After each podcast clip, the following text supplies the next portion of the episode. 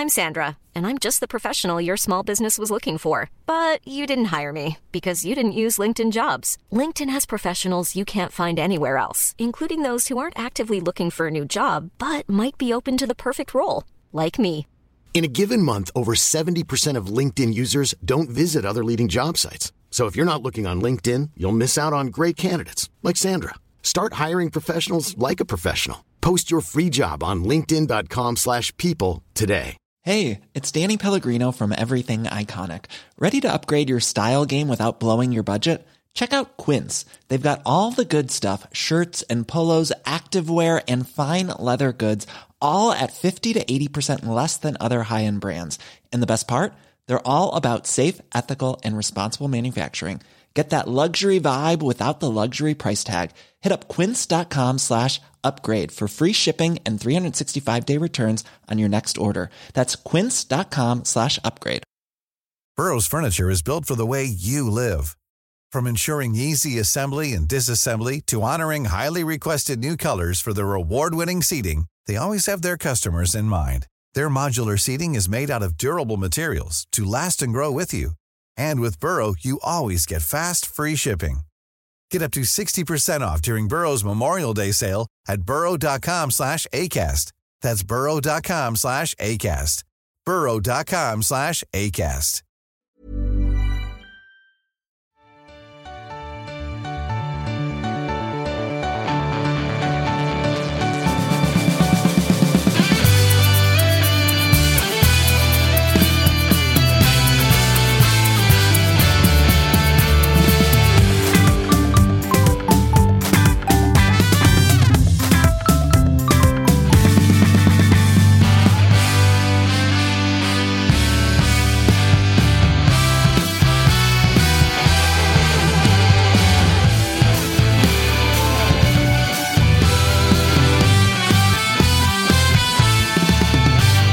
Välkomna till ett nytt avsnitt av Toto-svenskan. Det är måndag den 17 april. Gott mår man, eller hur Kalle? Ja, men jag mår fint. Jag mår fint. Eh, nu säger jag det. Nu kommer den. Nu kommer den.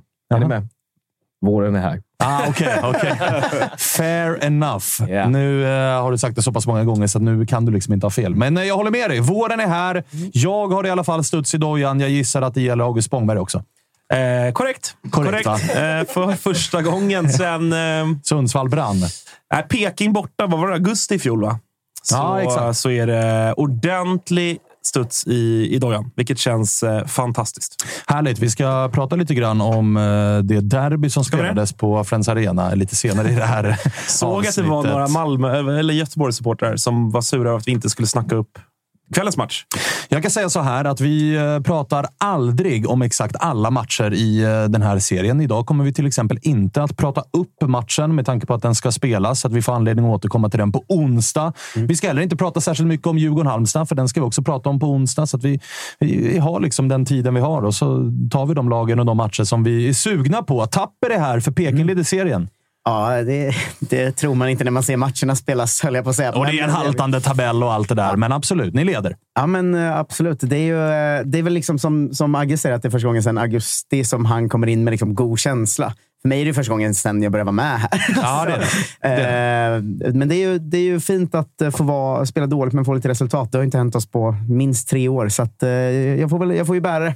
Nu har ni spelat bra och vunnit och ni har spelat dåligt och vunnit. Ja, Jävlar. mästarsegrar hade Josip Ladan sagt. Va? Ja, det hade han verkligen sagt. Det, det hedrar dig, Walter. Du är på plats här idag också, trots en tung gårdag. Ja, tack så mycket. Mår det inte lika bra som oss andra i studion? Nej, det är fullständigt vidrigt att vara här faktiskt. Eh, Det är ju så när man sitta tackar med- ja, på sitta, förhand. sitta med två aik efter den förnedringen som var igår. Alltså, det, är, verkligen vidrigt. Får jag, ju Jag ta, förstår det. Jag har varit med förr i det här att det varit derby och jag har den, det utanför perspektivet. Liksom. Men eh, fan vad det hedrar dig att du dyker upp trots att du vet att både Spångberg och Svanberg är här. Alltså, det ska du fan ha. Alltså. Ja, det visste jag i och för sig inte på förhand, men, men ja, nej, det, det känns som att det kan inte vara obehagligt att sitta med två aik dagen efter. Det är för, liksom, för lite tid som har gått sedan matchen. Alltså, normalt sett tycker jag man, med en derbyförlust börjar man liksom smälta två, tre, fyra dagar efter kanske. Gärna efter liksom nästa omgång och sådär. Men, men alltså dagen efter och sitta efter den upprörning som var igår. Det, Ja, det är inte kul. Det förstår jag och kanske allra mest när det är så pass oväntat. ju. Mm. Alltså, det här var inte det som varken du, eller jag, eller Spångberg eller någon annan trodde skulle hända. För det är ju så, alltså, du, får, du fick ju den här inbjudan innan matchen, så det är ju också ett läge där det hade varit det hade kunnat vara det motsatta. Mm, ja, exakt, exakt. Och det var ju det som... Det är därför det, det känns, pungsparken känns så extra hård. För man liksom hade ju målat upp bilder i ansiktet av att det börjar skakas galler efter 2-0 efter 20 minuter. Liksom, med den kris som har varit i AIK. Så att, är det, för fan, det, det var oväntat. Det förstår jag. Det, är, eller det var ett jävla eh, derby med allt eh, vad det innebär som vi ska återkomma till. Vi ska väl börja och prata lite grann om eh, Peking, tänker jag. Som ändå liksom går ut, vinner. Men eh, det var inte alla som såg den matchen. Jag är en av dem. Ni var ganska dåliga sa du innan här. Eh, alltså spelmässigt så måste jag säga att vi blir överkörda. Ehm, och sen så är det mycket som vi är bra på som har varit det som Glenn sagt att vi ska vara bra på. Alltså försvara oss med våra liv och täcka skott och eh, liksom ha, ha ett mycket kompaktare försvarsspel och allt det här. Men det är kanske inte hemma mot Värnamo man förväntar sig att de ska ha 11 avslut i målzon och vi två. Eh, liksom, det är ju det är en överkörning egentligen. Men, Är det en eh, det, alltså mästarlagsseger på många sätt och vis, men också lite bottenlagsseger? Ja, men lite så, men det är väl också så här, lite en skön seger för Glenn tror jag, för laget. För att det har ju varit snacket sen i höstas att vi måste liksom lära oss försvara, för vi kunde inte det förra året. Vi måste lära oss att ha psyken, för vi kunde inte det förra året. Nu har vi alla tre matcher vunnit andra halvlek med 1-0. Alltså vi har inte släppt in mål i andra halvleken och det är ju ett sånt jävla steg från förra säsongen där vi, som, som jag har tjatat om här, släppte in mål i 85 varje match. Liksom. Ja, ni, var ju, ni hade ju Sveriges svagaste psyke i fjol. Ja, men exakt. Så det är väl deppigt att det är det efter att när man leder serien, att det man sitter och pratar om att så här, fan vad bra att vi inte släpper in mål i 85. Men det är ju liksom där vi är och man måste ju ta det stegvis. Sen står jag fast vid att skulle vi slå Malmö nu, då kommer det vara en hybris-tapper som kommer in här. Men den har inte riktigt vaknat än. Sexa till åtta. Är det fortfarande det du Mm, sexa till säger? åtta. Sexa till åtta. Femma till åtta har jag väl kanske uppe på nu. Ah, Okej, okej, okej. Kanske att ni tar en placering nu då. Vet du vad? Jag sticker ut hakan. Femma till sjua. Oj, oj, oj. Vi stryker Peking från under halvan. Ja. Med andra ord. Ja, det hade vi innan också. Ja, jo, jo men Under åtta, är en, oh, okej, åtta en, sant, sant, sant. Bra eh, matte ifrån eh, min sida. Eh, men okej, vilka flax har ni också? Det ska ändå sägas. Två, alltså Arnor gör ju två mål, Mm. Ja. men det är ju såna flytkassar. Alltså det första målet är ju eh, alltså, Värnamos... Vad gör han? Han har ingen bra start på säsongen, Pilip. Eh, I mål där nere du. Ehm, Men var inte det på tiden? var- Så här, var inte han... Han var lite för bra i fjol mot vad han borde vara. vi Men pratar han gjorde ju också, alltså, du minns när AIK mötte Värnamo absolut. och han bjuder på två riktiga jävla blunders. Men pratar vi inte om att hans fjolårssäsong blev lite konstig efter han för att han hade så här en period på typ 6-7 matcherna var hur bra som helst. Men ser man över hela säsongen kanske han inte var så bra. Och nu ser han ju, han ser ju riktigt, riktigt skakig ut. Alltså första målet är ju det är bedrövligt. Sen är det ju bra av Arnor att så snabbt titta upp och bara lägga in den. Men det är ju bedrövligt av målvakten. Uh, ju. Alltså det får, det så är det. säga. Sen så hatar man ju också de som kör så här. Vilken sinnesnärvaro på Arnor. Alltså, att målet är tomt. Det, det, det, man behöver inte vara ett geni för att uppfatta situationen som uppstår när han får bollen till sig och målet är tomt. Det är, Nej. bara, det är bara att skjuta mot mål. Ja, men, så. så är det ju. men sen är det ju skönt att ha den typen av spelare som gör två sådana flaxmål. Alltså som Arnor är. Alltså, visst att det är två flaxmål, men det är ju över ett poäng per match sen han Ja. kom hit fortfarande. Alltså, så är det ju bara. Det går inte att ta ifrån något. Sen vill jag ju säga igen. Eh, ni är så glada nu att man kan få strö lite salt idag med, men Jesper Ceesay är en sån jävla värvning att det är... Eh, alltså, han var ju exakt det vi behövde. Han är alltså, defensivt otrolig idag. Ser lite ut som en fattigmans Robin Tii, tycker jag. Ja, ja, ja. Apropå fattigman så ska jag bara lyfta in att Kalle Råstedt precis har donerat 13 kronor i chatten. Stort av honom. Tack, Kalle. Stort av honom. Tack, Kalle. Var det det som var kvar efter eh, liksom, gravölssuperiet som måste ha pågått hos Kalle Råstedt? Eh, men okej, vad tar du med, med dig från den här matchen? Förutom att Jesper Ceesay är jävligt bra på fotboll och att eh, Arnor fortsätter göra poäng. Ja, men det är nog inte så mycket mer. Det jag tar med mig är att vi vinner, eh, att vi tar poäng, för det är det det handlar om nu, att komma igång med det. Eh, jag tar med mig att försvaret ser mycket bättre ut och jag tar med mig att Oskar Jansson fortsätter eh, växla upp. Liksom. Jag tycker han gör en svinbra match. Han är, han är ju kanske bäst på plan. Liksom. Ehm, så, så att ja, men Oskar stabilis- fortsätter stabilisera sig, försvaret fortsätter se mycket, mycket bättre ut. Och ja, men kanske fortsätter också vänsterbacken Baggesen som gör assist för tredje matchen i rad. Alltså, han är ju, eh, vem är han? Han har ju aldrig spelat seniorfotboll i den här säsongen. Vi har hittat någon junior som går in och är så Jättebra. bra. Jaja Kalle är ju inte ens nära att få spela som man trodde var vårt alltså givnaste nyförvärv nästan. Eh, så att Kalli såg ju, ser, ju, ser ju lite butter ut på bänken, ska man säga. För han hade nog inte heller förväntat sig att den här 18-åringen skulle liksom sp- springa och bli den helt givna startspelaren. Liksom. Och med tanke på vad han är så kommer det bli tufft för Kalle att peta honom. Ja. Ja, ja, men verkligen. Eh, Jag tror inte att Kalle kommer ha många starter i vår. Och Sen går ju lånet ut i sommar. Vi har en köpoption som sägs vara på 5 miljoner där. Som jag, när han kom, tänkte nog vi alla när vi såg honom spela i början att det är ju givet. Liksom. 5 miljoner är ju ingenting för en så bra ung svensk vänsterback. Liksom. Men nu är han ju så här... Ja, det är ju problemet att våra två hetaste Är Baggesen köpt eller? lån? Baggesen är ju köpt. Ah, Okej, Och- då kommer ni ju inte plocka Kalle ju. Nej, exakt. Men det, det är Ni har ju också en De Brito som ändå Ja, ja. finns där. Alltså, Men det är så märklig situation att vi har ju en trupp som har ganska... Alltså den, den har ju inte så mycket bredd och den har ju en del svagheter fortfarande. Liksom. Det är en ombyggd trupp, men alltså de två som känns mest spännande, att de bara kan spela vänsterback båda två, är ju märkligt att det råkade bli så. Ju. Vet du vad jag tar med mig från den här matchen också? Det enda som egentligen har nått mig, förutom eh, highlights-paket, där jag eh, förstår att eh, Värnamo var ganska bra. Jag tar med mig presskonferensen som dels är väldigt svensk. Det är inget eh, liksom, sexigt eh, podium och, och liksom, snygg backdrop, utan det ser ut som, ser ut som öppna kanalen. Det, är- det, är- våran studio är liksom sexigare än vad Pekings pressrum är. Men jag tar framförallt med mig flaggbråket mellan eh, Kim och Glenn. Alltså, vad var det? Det, var där har vi ju två, det är två, det är två låsta människor Ja, sitter- med grova tics. För de som inte sett ska man säga att det, det står ju alltså två IFK Norrköping-flaggor på bordet, på podiet framför dem. Och då så flyttar Kim Hellberg sin ganska långt ut på en kant så att han ska synas mer i bild. Då tittar Glenn på Kims flagga, blir lite sur och flyttar sin också, fast lite längre ut. Och då tar Kim snabbt fram handen och bara puttar sin en centimeter till så att hans flagga ska stå lite längre bort än Glenns. Det är ett väldigt, väldigt konstigt men moment. jag förstår inte riktigt Glens... Nej, men det är ju, det är ju autism. Alltså, de, de, det är ju två låsta människor som sitter och bara, okej, du gör så. Då ska jag, jag ska flytta den lite längre. Men då flyttar jag den lite längre. Och man märker också att det är två tränare som... Visst, Kim har förlorat. För det hade varit rimligare om, om, om Glens svar var att flytta in Pekingflaggan. Alltså, ah, du tar bort Norrköping, jag tar fram mitt Nej, men det, det, jag trodde det handlade någonting om att Ja, det är okej. två Norrköpingsflaggor. inte Utan det är inte bara... sett måste Kolla på det. jag måste kolla upp kolla på det. jag tror inte det, de att det är Norrköpingsflaggor Nej, ens. nej, det hade kunnat okej, vara vad okej. som helst på dem där. Det, är, det är bara en, de är bara låsta. Men man kan ju ta med sig från den... Fina låsningar. Alltså. Men från den presskonferensen tar man väl också med sig stämningen däremellan. Kim Hellberg är ju inte överdrivet förtjust i att ha förlorat mot Glens Nej, eh, Norrköping. nej. Alltså vilken sur presskonferens det där är. Och det är ju två olika fotbollsfilosofier som väldigt mycket möter varandra. Där de inte... Känslan är att de inte är imponerade av varandra särskilt mycket. Det är något eh, ögonblick när Glenn säger typ så här, jag tycker vi gör det bra, vi vinner igen. Och när han säger att vi gör det bra så ser man liksom hur Kim bara suckar och typ Mm. himlar med ögonen. Alltså det är riktigt, eh, riktig stämning på den presskonferensen ändå, det får man säga. Har eh, det sipprat ut någonting? För att jag menar, Kim är ju ändå den han är. Han har den där tatueringen det har pratats om och allt det här. Finns det någonting i beteendet som eventuellt har upprört Norrköpings supportrar?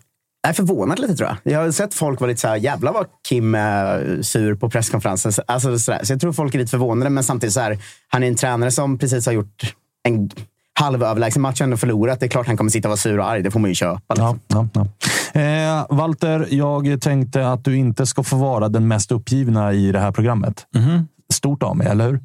Eh, vi, ska, vi, ska, nämligen eh, ringa. Det är så här, när man har det mörkt och jävligt. Spångberg har ju varit inne på det. Att så här, när AIK torskar två raka, det finns alltid IFK Göteborg som man kan liksom trösta sig med. Nu råkade AIK hamna i ett läge där AIK faktiskt låg sist i serien. Och då får man ju blicka ner i källan. Helsingborgs IF. Noterade du vad som hände där heller? Ja, jo, absolut. Svårt att missa. Det här är svårt att missa. Och som sagt, man, sen åren i Superettan så, så följer man ju den serien lite. För det, det finns ett intresse väl att uh, överdriva, men, men eh, man är ändå bekant med serien får man säga efter till och med fem år där under liksom, den aktiva delen supportskapet. Så att, eh, ja, jag känner med, med Möller som jag antar att vi ska ringa. Då. Det ska vi definitivt göra. Vi ringde ju Martinsson. När han, det var innan serien började. När de torskade 8-0 va? Ja, exakt. mot, eh, mot just eh, Bayern. Då gillade vi, vi gillar ju blod. Det är Jocke Hane som har lärt oss att blod är bra. Eh, Så att eh, nu blöder det ganska rejält. Det har han ju bara lärt oss eh, för att få vara med mer. för att vara fortsatt relevant i programmet. Så har han, eh, Men liksom- medans, medans turneringen kan jag säga att det är sant det med att man letade det mörka. För i helgen så var ju du extremt glad i våra chattgrupper för BP helt plötsligt låg sist. För de Ja, förlorade stort. alltså AIK, AIK utan att ens spela avancerade ju en position i allsvenskan. Från jumbo till Ja, nästjumbo. man, man när- såg den där gröna pilen och Ja, då kände man att nu har vi någonting på gång här. Eh, Olof Möller, läget då? Ja, det är fan eh, det är topp alltså. Det har aldrig varit så här skönt och stabilt och lugnt. Och, nej, det är skitbra. Eh, eller har du någonting som du tänker skulle kunna rubba min harmoni? Eller? Ah, alltså jag har svårt att rubba min harmoni för tillfället, men jag, jag, jag, tankarna går till en viss match som spelades på Olympia nere i Helsingborg. Sundets Jaha. pärla. Ja, Eh, du menar den elfte raka Västerås, förlusten i eh, seriesammanhang? Elfte raka förlusten i seriesammanhang. Ja, eh, en klubbdirektör som eh, verkar vilja talla lite på yttrandefriheten och eh, en klubb i total upplösningstillstånd. Är det det du åsyftar? Eller? Ja, det är precis det jag åsyftar faktiskt. Bara så vi är med varandra. Ja, precis. Och så, så att vi har med oss tittare och lyssnare också. Det är inte alla Mm. som... I Toto-svenskan följer vi framförallt allsvenskan, men det är bra att du uppdaterar även på Mm. liksom, lagen i de lägre eh, divisionerna, vad, vad de pysslar med. Du, eh, uppdatera oss. Vad fan är det som händer?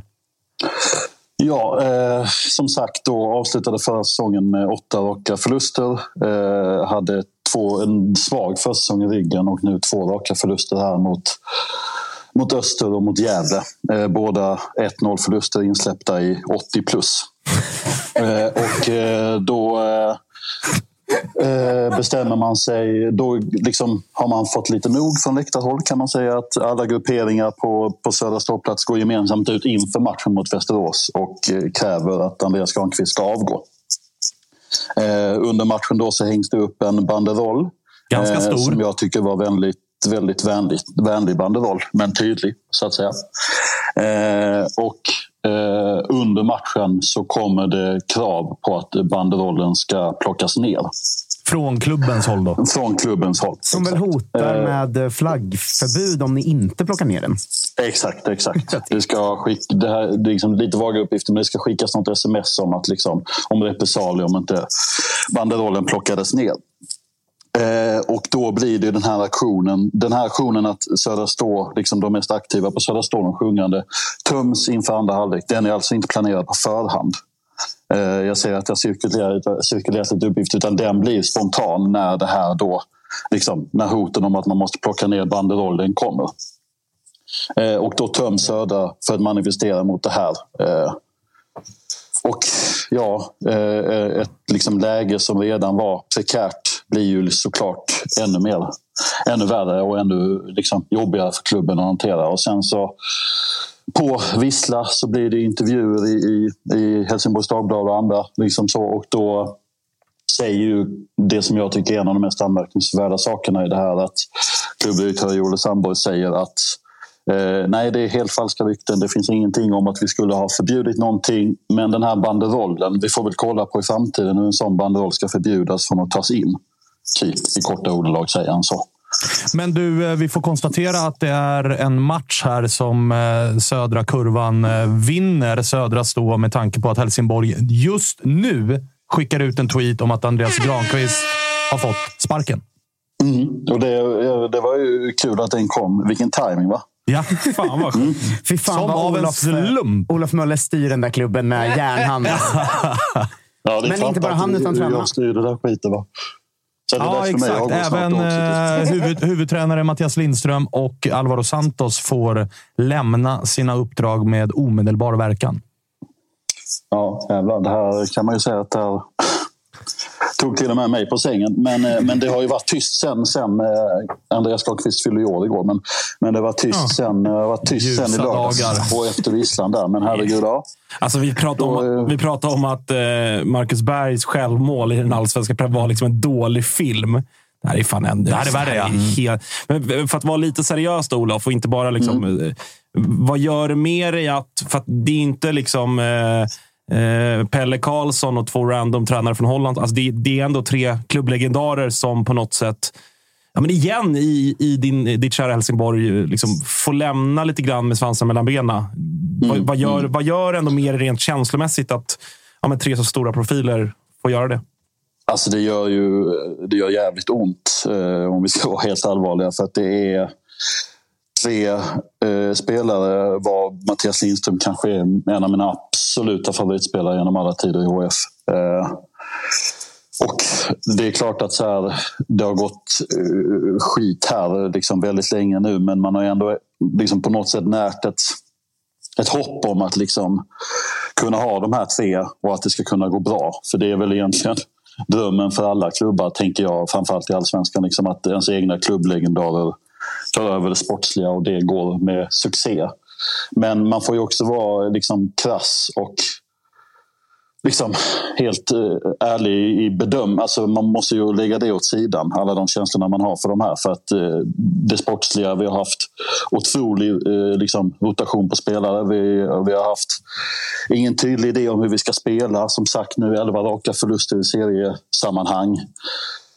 Det går ju liksom inte att fortsätta hur mycket liksom, hjärtat än hade velat eller hur mycket man själv än hade velat att det här skulle bli succé. Så, så är det ju dags att bara inse den liksom, verkligheten och det, det har vi gjort. Och sen blir det också en liten del av mig tycker ändå att så här, efter de turerna som var i, i helgen och jag kan säga att jag var liksom jävligt förbannad på stund, stundvis över hur allting liksom hanterades så tycker jag ändå att det är ändå som du var inne på Svanen, det är ändå en seger för Södra Stå. Eh, ja, och dessutom och så är det ju det är en situation vår, för, för medlemmarnas yttrande. Liksom, att de, de vill ha det så här, då blir det så. Det är ju framförallt en situation som jag håller med dig också om. att så här, det, det, är klart att det är en seger i sig, men det är ju också en situation som ju klubben inte kan rädda.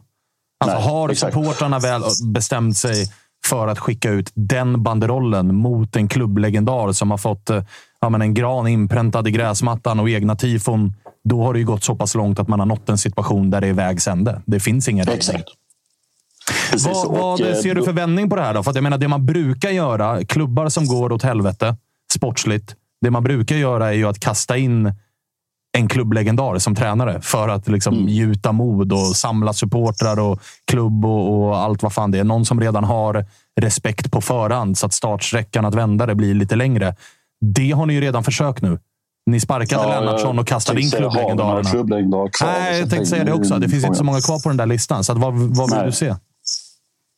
Alltså om jag får tänka fritt nu, liksom nu går jag väldigt mycket på magkänslan här, men i, i, i klubben så finns det ju en Hans Eklund, eh, den gamla Falkenberg-tränaren och gamla HF-tränaren och det finns ju en Stuart Baxter eh, redan. Eh, det, finns, det kan ju såklart finnas en tanke om att eh, om de inte hade den långsiktiga lösningen så, så, så kanske de tar in nu, går in här tillfälligt, att eh, Hans Eklund går ner och tar det, tar liksom det tränarmässiga ansvaret eh, eller Stuart Baxter går ner och sen så, eller att de liksom växelkör tillsammans både det sportsliga och, och tränaransvaret nu eh, tills man om man nu vill ha någon annan sportchef eller ny sportchef eller ny tränare. Liksom.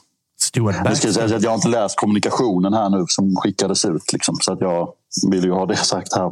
Ja, men ganska kortfattad och tydlig är det i alla fall mm. att döma från eh, det Twitterinlägg som Helsingborg skickade ut. Så var mm. det var ganska rakt att eh, Granen, Santos, Lindström out med omedelbar verkan. Ser, mm. du, något, eh, ser du något ljus? Alltså, vad, vad, eller är du på riktigt så här, vi kan åka ur superettan också? Eh, alltså, efter de här senaste åren, sedan 2016, så så är det väl svårt att sitta här och säga att man inte skulle kunna åka ut superettan för det är klart att det är möjligt. Men, men å andra sidan, eh, tre raka torsk. Eh, nu kommer en förändring. Eh, en del av mig måste också vilja och våga tro på den där förändringen. Att så här, eh, ledande supportergrupper och stora delar ville ha, ville ha granen out och nu är han out. Och Mattias Lindström och Alvar Santos får också lämna. Då får man ju, ja, en del av mig får ändå hoppas och tro på att det kommer en förändring nu som kan göra att vi liksom, eh, kan spela lite safe resten av säsongen förhoppningsvis. En, en, fråga där. Ville man från supportroll att tränarna också skulle lämna? Eller var det, bandrollen riktade sig mot Grani, men eh, ville man att hela gänget skulle dra? Eller hur känns det? Alltså, jag tror att eh, alltså, när jag liksom stoppar upp fingret i luften och känner efter lite så tror jag att man vill även att Mattias Lindström och Alvar Santos... Eh, och, och, där var det rena liksom, Eh, att man känner att de inte har kompetensen för, för att leda det här. Det har inte funnits någon tydlighet i hur man spelar eller vad man... Jag har inte ens liksom sett här vad det finns för tanke bakom allting. Men, men jag tror att allting, för att svara på din fråga, jag tror att allting liksom kokade ner till någon form av liksom sportslig sportsligt misslyckande liksom, på det stora hela. Men jag tror i förlängningen så tror jag ändå man hade en tanke om att både Mattias och Alvaro skulle få lämna. Det är i alla fall, det är i alla fall min egen tanke. Sen ska jag inte tala för alla. Men, men det är väl lite den känslan jag har fått att, att även tålamodet med Mattias och Alvaro är, är liksom slut. Hur är förtroendet för eh, styrelsen? För det är deras uppgift nu att tillsätta en ny sportchef och sportchef i sin tur som ska tillsätta ny chefstränare eller om det blir en duo. Jag menar, det, det, alla vill ha en långsiktighet i klubbarna, men, men hur mycket litar man på att styrelsen hittar rätt personer att leda Helsingborg framåt? Alltså jag kan ju bara prata för mig själv personligen men, men det har ju blivit ny ordförande här nu. Eh, kommer troligtvis tillsätta eller har tillsatt och då, då tänker jag att så här, man får man får eh, helt enkelt lita på det här för att eh, byta ut styrelsen också känns lite väl aggressivt här kanske. Men, men samtidigt, jag menar eh, det är stora delar av den här styrelsen och stora delar av den här sportsliga leden som har varit, som har varit med och ham, gjort att vi hamnat där vi är nu. Så, att, så att det är klart att det där finns ett förtroende som måste byggas upp igen eh, på sikt. Och bygga upp det förtroendet gör man ju genom som du säger, långsiktighet, eh, bra åtgärder och få klubben liksom på rätt köl igen. I nästa omgång väntar eh, Brage borta. Hur pass viktigt skulle du säga att det är att ni inte hamnar i en sits som till exempel då IFK Göteborg är i just nu, där klubben går ganska länge med ja, men utan tränare egentligen. Stare är ledig nu Stare är ledig. Eller ja, ledig. Han är i kontrakt med Discovery. Får förhandla med. Det hade varit otroligt HIF att plocka in Stare. Men, eh, vet ni vem ni såklart ska ta? Jugga. Vad sa du? Jugga. Jugga, Jugga är väl på payroll fortfarande? Det är väl bara att kalla in? Ah, ja, det är bara att hugga Det är en riktig italiensk övning ju. Det är det. Tillbaka. Spara lite cash också. Ja, är det någon som är bra på italienska övningar? Spontant känns det väl som att det är HF om man får vara sån. Exakt. Faktiskt. Eh, nu tappar jag bort frågan. Jo, ja. Eh, att, eh, nej, men jag, jag, tror att det är väldigt viktigt att komma upp på hästen och ta liksom snabba beslut. För att, eh, all respekt för IFK Göteborgs situation, men vi ligger, vi ligger liksom näst sist i superettan en ett, eh, liksom, genomklappning här så är det division 1 och Torns IF borta som gäller. Så att, eh, nej, jag tror att det är väldigt viktigt att komma på plats. Och med det sagt så så får man väl hoppas att det finns, har funnits en tanke nu här sen, sen liksom lördagen och eh, en längre tid kanske att det finns någon, någon liksom kandidat eller kandidater till att ta över. Eh, sen vilka dessa är, det kan jag inte tänka på liksom nu. Men, men men jag tänker att så här, med tanke på att man vet att det har skakat ett tag under både Granens fötter och Mattias och Alvaros fötter så, så tänker jag att så här, det är väl också en del i det här förtroendebyggandet som vi var inne på. att så här, Om vi ska få upp förtroendet igen så ska det väl finnas, ska det väl finnas liksom en ganska snabb sportslig lösning på plats. För att då visar det sig att man har haft en långsiktig plan helt enkelt. Eh, du är ju dyster nu, Olof, vilket är rimligt i det här läget. Men jag tänker att man kan muntra upp det med att eh, på fredag har vi AV. Du får ju såklart inte vara med eftersom ni spelar Superettan, men vi kan ringa in dig en stund. Ja, åh oh, shit, tack. Vad gött. kan få vara med på AV på ett litet hörn. Stå på någon Facetime. Tia på AV digital. digital AV. Sitta hemma och dricka själv. Det känns som att det är bästa medicinen för mig nu. Det är precis vad du behöver en fredag ja, inför Brage borta. Sitta hemma ensam och hitta in i någon Arboga. kröket ah, ändå. Men sen måste jag ju liksom bara säga att så här, mitt i all den här misären så, så är det ju ändå en eloge till liksom, supportergrupperingarna och som lyckas få igenom den här förändringen trots allt. Det får man ju ändå ta med sig liksom som ett glädjande ämne. Att, att, eh, och det visar ju också när, när, när klubben försöker ta strid med, med supporterna så slutar det oftast på det här sättet. Liksom. Ja, och hela Sverige har ju er rygg i att klubben ska inte hålla på med några jävla flaggförbud och sån skit. Alltså där Nej, står vi alla exakt. bakom. Ja, definitivt. definitivt. En star stark seger, får man mm. lov att säga. Du, Möller, eh, kämpa. Det ska jag göra. Eh, jag har ju gått att ha klippkort på Skanstullsbron till att vara ständig medlem. Så att, eh, vi hörs helt enkelt. Det gör vi. Lilla klicken Alltså, men det var roligt Snabba. att vi snackade innan om att så här, fan, vi klickar han efter fem minuter som ett skämt, men det var för mörkt. Man hade inte det, i- nej, alltså, nej, det hade man ont inte i magen man fick. hade man inte Alltså. Han, han brukar vara lite soligt butter, men nu var han liksom ondskefull. Alltså, vilket jä... alltså, man, man får ändå perspektiv på... Sen så här, jag, jag är allergisk mot när man ska jämföra misärer mellan klubbar. Att så här, och vissa som verkligen är dåliga ska säga vem fan är du och gnälla? Ni ligger femma. Alltså typ sådär. Det, alla får ha sin egen misär, men man fick ändå, man fick ändå lite perspektiv att det kunde varit värre. Elva raka torsk. När hände det sista man sparkar både tränare och sportchef? Det känns som det är rätt dramatiskt. Vem, vem styr skeppet liksom? Ja, det, det, Det är väl han klubbdirektör, Joel Sandborg heter han va? Klubbdirektör. Eller? Kör solo-race. Ja, alltså, det, det, det är väl det. Har vi sett i andra klubbar Ja, senare, i och för sig. Nej, men det, det är fan otroligt. Alltså. Vilken... Walter, lite perspektiv eller? Lite lättare Ja, nu? absolut. absolut. Efter den där, Det finns de som har det värre. det finns det definitivt. Olof Möller har det nästan alltid värst också. Det är det man vet. Ja, men förra säsongen var det ändå så att Martinsson hade det liksom Ja, lite jo. sämre hela tiden. Men nu har ju Martinsson det ganska bra, Ja, medan ja. Möller mår sämre på. än någonsin. Men vad har vi för lediga tränare? Alltså löser de Stuart Baxter på linjen så är det, då, gör de, då får de ju en bättre tränare än vad de har haft på, på väldigt länge. Men vad har vi annars? Alltså Norling, det känns inte som att han ska till Helsingborg nu. Även om det är så här, Säg inte det. Alltså. Nej, alltså, det, jag, Säg jag kan tänka det. mig att det är ändå ett uppdrag som lockar lite grann. Alltså, Ja. Det är en bra arena. Det är, en, det är liksom en Anrik tidigare klubb anrik klubb. Alltså, Ja. Bygger man upp någonting där så, Ja. så finns det någonting. Absolut. Men fan att ta i det just nu. Jag såg att eh, några Göteborgssupportrar försökte jobba Potter till Göteborg nu. Känner man den, den blir svår att landa. Kämpa. Han kommer nog säga upp sin Chelsea-lön och gå till IFK Göteborg. Känns han sugen på. Eh, vad gör Nanne idag? Nej, han är pension, pensionär, tror jag. Jo, men det, kan man väl, det är väl beslut man kan var revidera. väl Ja. eh, Nej, jag expert på Radiosporten Just en det. stund. Just det. Eh, gick, eh, ja. Axén, är han helt utloggad? Är han för eh, liksom, eh, happy med sitt... Jag tror att eh, han är för medveten om riskerna med Helsingborg i Spiller. Alltså. Ja, men så här, helt ärligt, Rickard Norling. Jag tror inte att det är...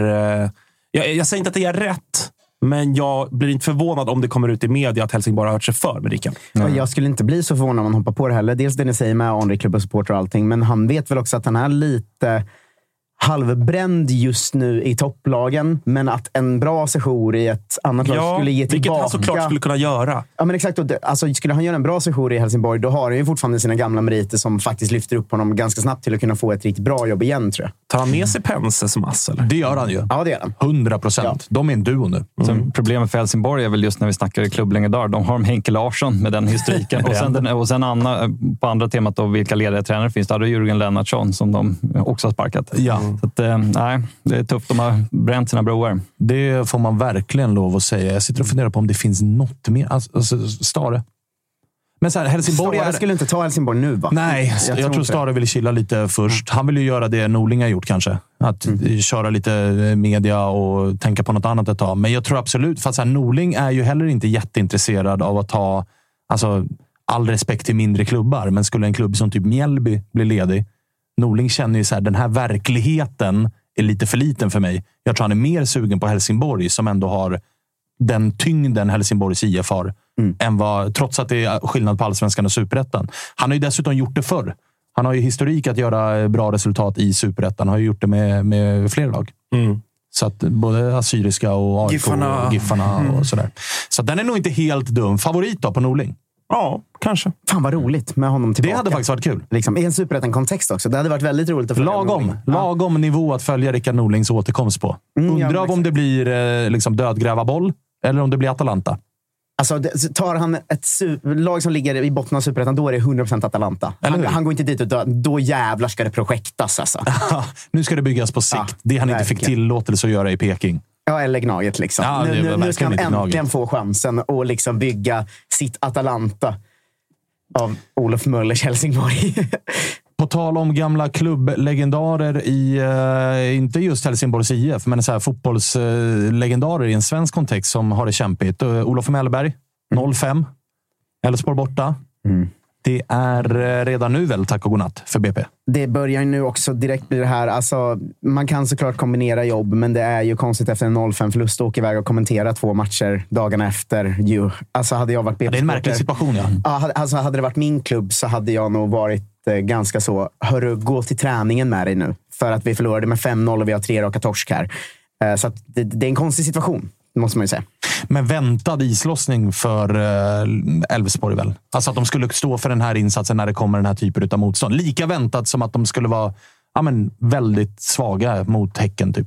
Ja, absolut. Eh, även om så här, vi, vi såg ändå att BP gör en bra prestation mot Malmö omgången innan och stå upp och ändå spelmässigt vara bra. Sen så väger de för lätt i avgörande lägen och är för dåliga på vissa väldigt utsatta positioner. Men, eh, men 5-0 är ändå 5-0 mot ett allsvenskt lag. Alltså det, det, får man ändå konstatera. Ja, men har Elfsborg dagen offensivt så kan, gör de ju sådana här matcher. Ja, ja, absolut. Jag, jag tänkte fan att man ser det lite nu. Eh, alltså Elfsborgs kommande, att de har Degen, sen Mjällby, sen Halmstad, sen Sirius och sen Värnamo.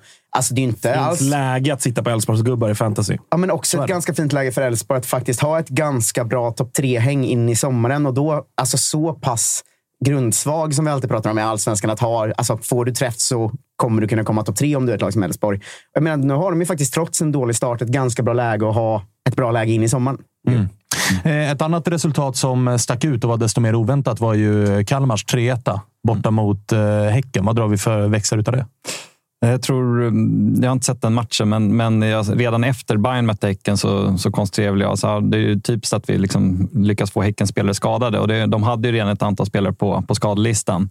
Uh, nu i och för sig är det bra att inte Häcken sticker iväg från, från konkurrenterna, men, men, uh, men det, känslan är väl att det kanske är ett par skador för mycket där i Häcken nu. Ja, och lite uh, hybris väl. Att börja, alltså, de har kastat in en uh, ung spelare som man knappt visste vad han hette och så nu ska, nu ska nästa 17-åring in. Men vad ska och de göra då? Mm. De har ju tio på skadelistan. Ja, jo, jo, så är det definitivt. Men du kan ju mönstra om en formation istället för att spela med bara juniorer nästan. Mm. Till slut så kommer det en effekt också av att det är du är talangfull och det är lätt att vara 17 år i ett lag där det är Simon Gustafsson, Samuel Gustafsson, Rygård och du kan vara den enda talangen. När det helt plötsligt är talangerna som ska bära det och lite för många utav det. Vi kommer komma tillbaka till det gällande derbyt kanske, mm. men eh, då kommer det ju till slut en bakfylla.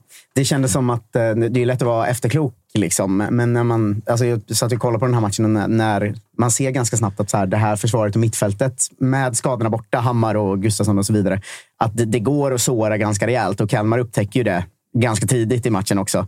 Och sen känner man ju att så här, vad fan, de är ju sårbara. Det är ju bara ingen mm. som har märkt det på, mm. på ett tag nu. Liksom. Och sen så ska man ju säga också att de har ju två straffar. Så det, man tänker flera gånger att det här vänder de ju och vinner. Mm. Men det är ju superstarkt av Kalmar att hålla ut. och, och genuint prestationsmässigt i matcherna så uh, man får väl bara pudla på Kalmar. Alltså, de ser jättebra ut. Ja, jag, tänkte, det, jag tänkte komma till just det. Eh, vi inledde med Häcken med tanke på att de är regerande mästare. Men alltså Kalmar har liksom en bra match borta mm. mot eh, Malmö. Torska på en straff som är ganska hårt dömd. Carl Gustafsson är ju... Alltså när han, man glömmer ibland hur jävla bra han är. Alltså. När man pratar om Häckens mittfält och alla de här bra mittfältarna som är sexiga i serien och allt vad det är. Alltså Carl Gustafsson är fan verkligen en av seriens bästa mittfältare. Alltså, vilken match han gör. Måste ju lämna i sommar nu. Alltså.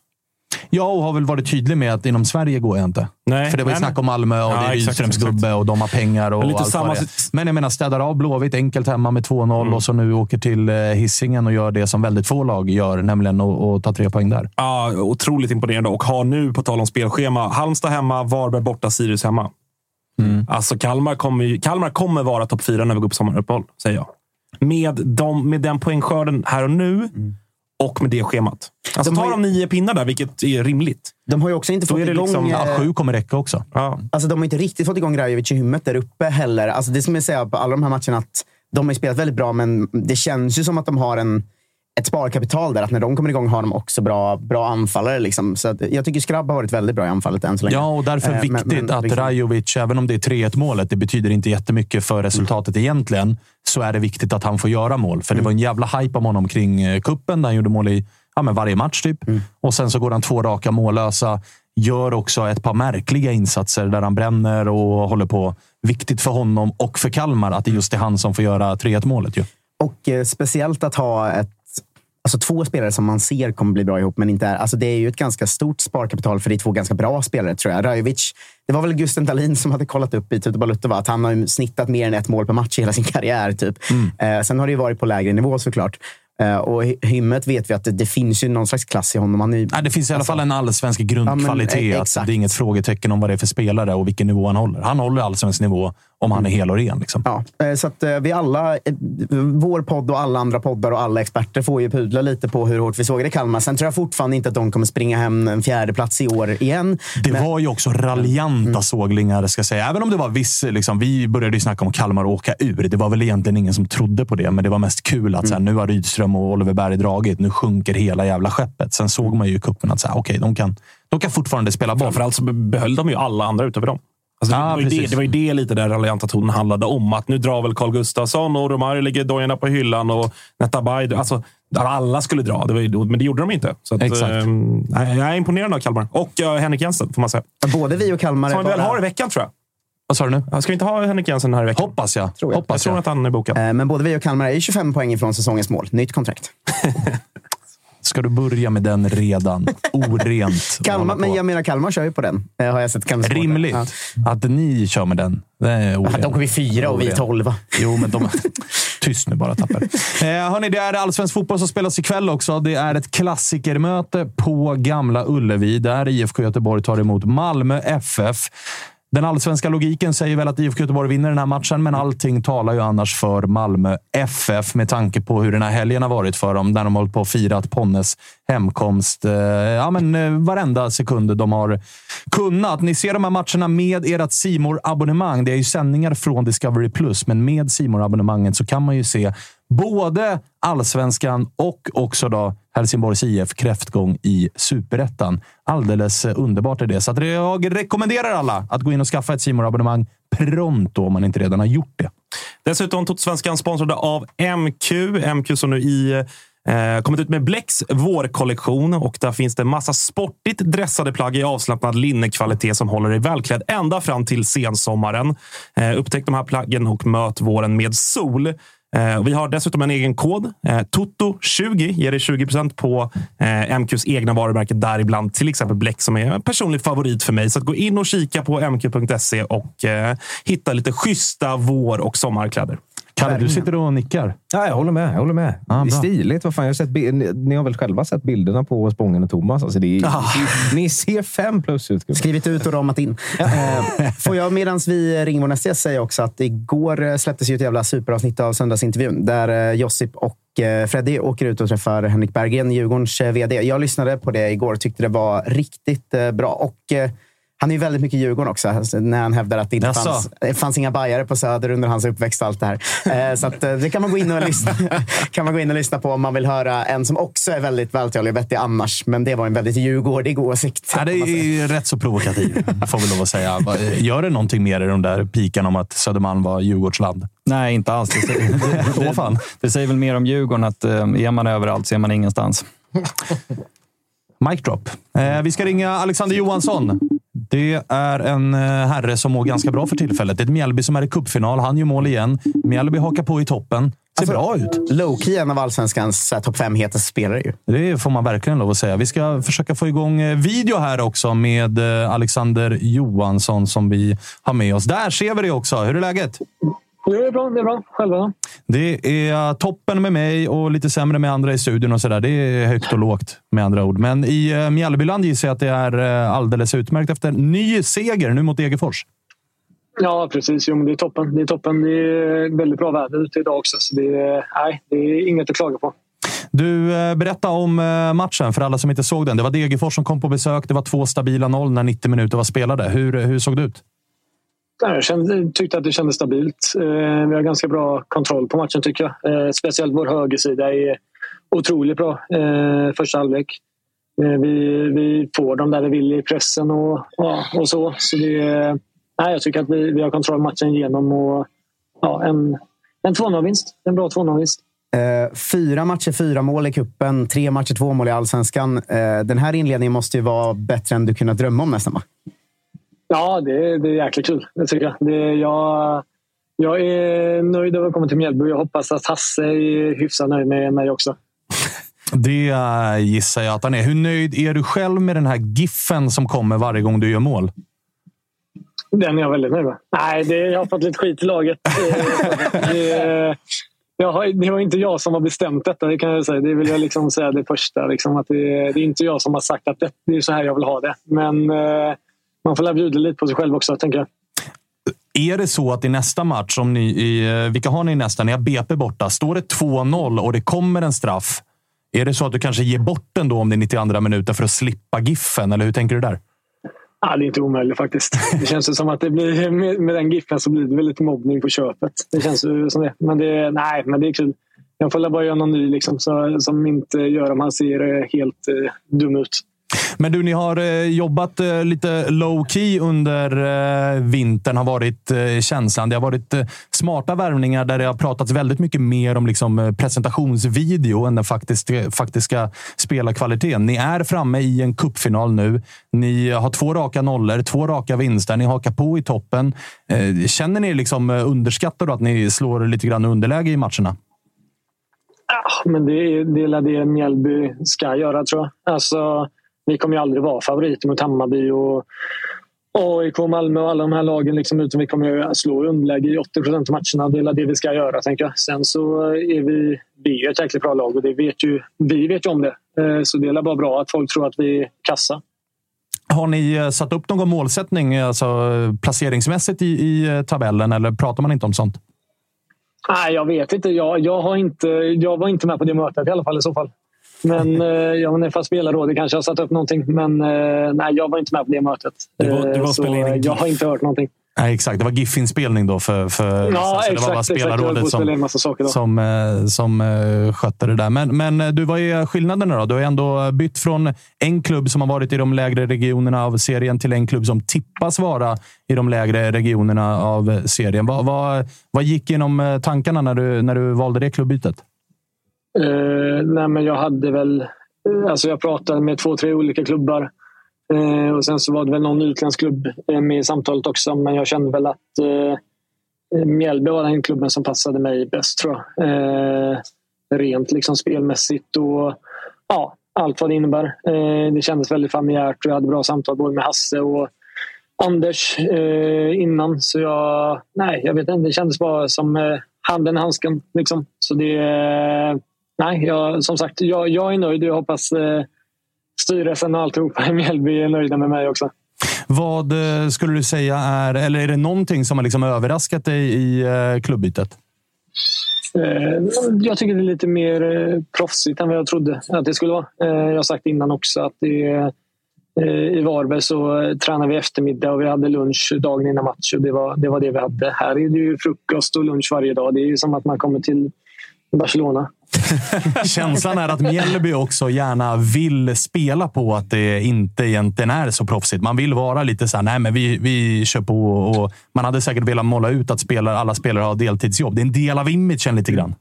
Ja, ja, ja, men det tror jag och det är det jag menar. Att det är därför jag tror det är ganska bra att folk underskattar oss. Och som du säger, folk tror liksom att vi sticker. Vi, vi jobbar som målare på förmiddagen och så kommer vi och tränar på eftermiddagen och så åker vi hem och jag vet inte, natta barnen. Mm. Men, eh, men vi vet ju om att vi är bra och vi gnuggar varje dag ut och in. Eller dag ut och dag in liksom på saker vi vill bli bättre på. Och som ska, vi ska hitta lite mönster i vårt spel och alltihopa. Och det, motståndare underskattar oss samtidigt som vi vet att vi har en bra nivå i oss. Och det är klart att det är en bra kombination. Hur imponerad har du varit av eh, ungtupparna i laget? För att senast det var landslagssamling så såg vi att fan halva u landslagets startelva bestod av eh, Mjällby-spelare och nu har ni en som är klar för en utlandsflytt här till sommaren. Men jag gissar att det kommer vara fler klubbar som är där och försöker roffa åt er. Ramel Lillbagan och, och eh, gänget. Vad, vad har du att säga om dem? Eh, nej, men de är otroligt Eh, Eh, de är otroligt bra tycker jag, allihopa. Eh, Otto håller en jäkligt hög nivå. Eh, tycker han är väldigt eh, småtrixig på träningarna. Man måste alltid rycka ner honom för att kunna ta bollen. Han är, han är inte så stor, liksom, men han är otroligt kvicka fötter. Så det, då kan han få en stämpling eller få så att man tar bollen någon gång. Och eh, Noah, speciellt när han kom tillbaka från januariturnén, det var eh, otroligt bra. Alltså då kände jag att jag undrar vad fan jag sysslade med under vintern för han höll fem nivåer högre än vad jag gjorde alltså, någonsin kommer göra känns som. Eh, så nej, vi har några ungtuppar som du säger i laget som är otroligt duktiga. Eh, bara hoppas att de fortsätter utvecklas så kan det gå jäkligt bra för dem. Du, en grej som man brukar säga kring lag där det händer en hel del runt eh, vinterfönstret eller från säsongen avslutas till den börjar igen. Mitt lag AIK är definitivt ett sånt lag där man pratar om att nej, men det är mycket nya spelare och det tar lite tid innan saker och ting sitter och vi, vi måste ha tålamod.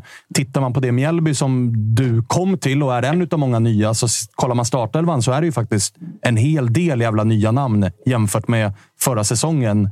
Ni behöver mm. inte ursäkten att nej, men det är mycket nytt och sådär. Ni är redan framme i en cupfinal och ni har två raka segrar och är med i toppen av allsvenskan obesegrade efter tre matcher. Vad är det som har gjort att ni har fått ihop det så pass snabbt? Jag vet inte.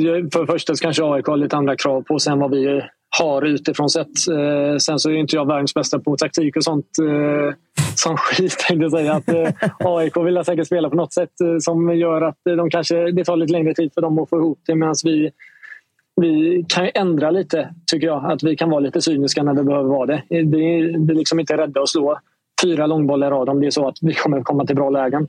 Eh, visst, det är kanske inte är världens sexigaste, men eh, eh, vi gör det som krävs för att få tre poäng. Sen ifall det betyder att vi ska slå långbollar i 95 minuter så får det vara så. Om det ska vara att vi ligger lågt 95 minuter så får det vara så.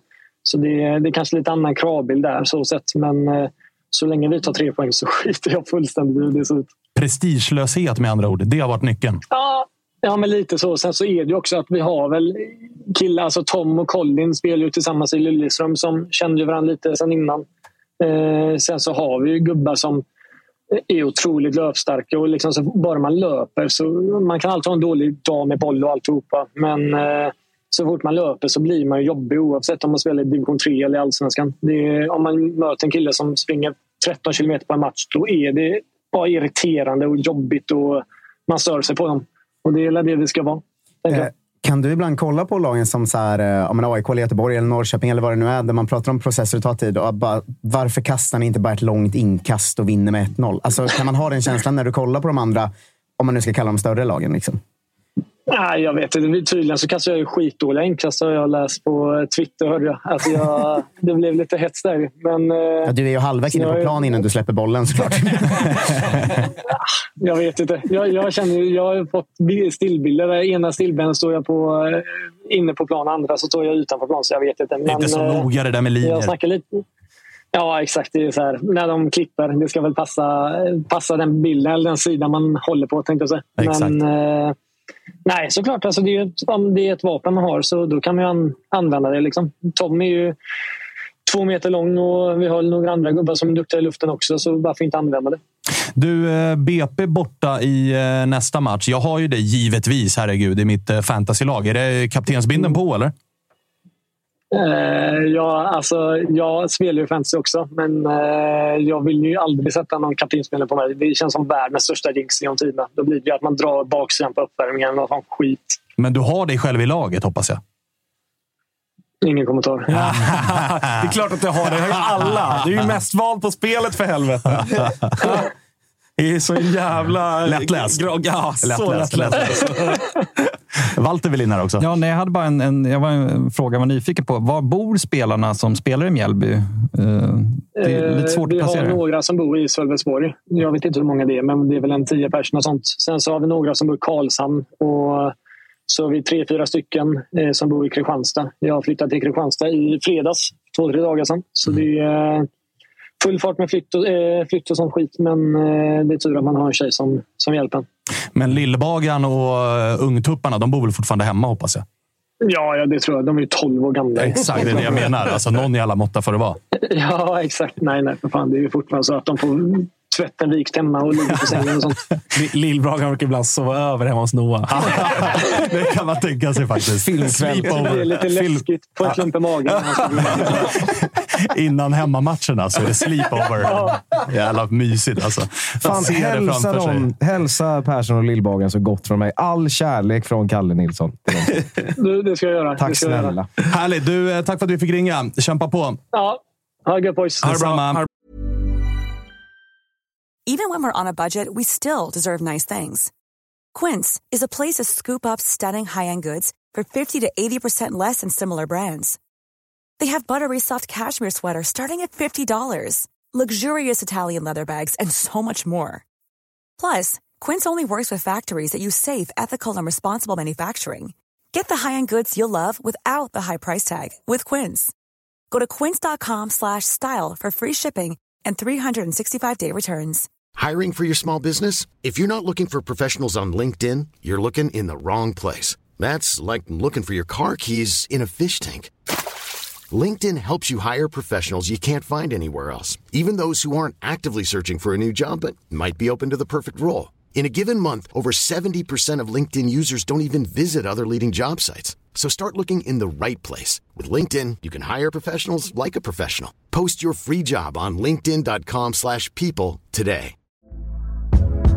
Hey there, it's Michelle Norris. I'm host of a podcast called Your Mama's Kitchen. When I travel, I'm usually looking for a way to find a taste of home when I'm not at home. And one of the things I love to do when I am at home is entertain. And Airbnb allows me to do that. When I was in California recently, I rented a house that had a great kitchen. And when we were sitting around the table, we're all thinking, we're in someone else's house. Someone could be in all of our homes as well. If you have a home, but you're not always at home, you have an Airbnb. Your home might be worth more than you think. Find out how much at airbnb.com/slash host. Ciao, ciao. Hey. Ciao. Totosvenskan är sponsrade av MQ som är Sveriges största varumärkeskedja som erbjudit stil sedan 1957. Vi går mot sommargubbar och det är underbart. Vissa ska på studentmottagningar, vissa ska på bröllop. Eh, I övrigt, Kalle Mm. Nilsson, så är det fester. Det är fester. sommar. Ja, men så är det. Och eh, då vill jag ju se proper, fin och stilig ut och då går jag ju in på MQ och kollar lite om jag ska ha eh, tailored, modern tailored eller regular fit. Alltså beroende.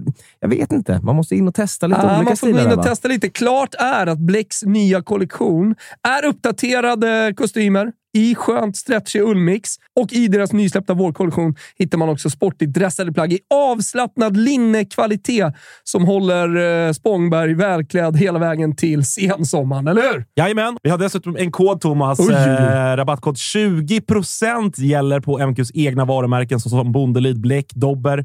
Toto20 anger man, när man när man handlar, så, så får man 20% rabatt på de varumärkena. Och det gäller fram till den 26 april, så det gäller att passa på nu och uppdatera garderoben, Kalle. Så är det och jag noterar verkligen att det är 26. Det är alltså dagen efter löning.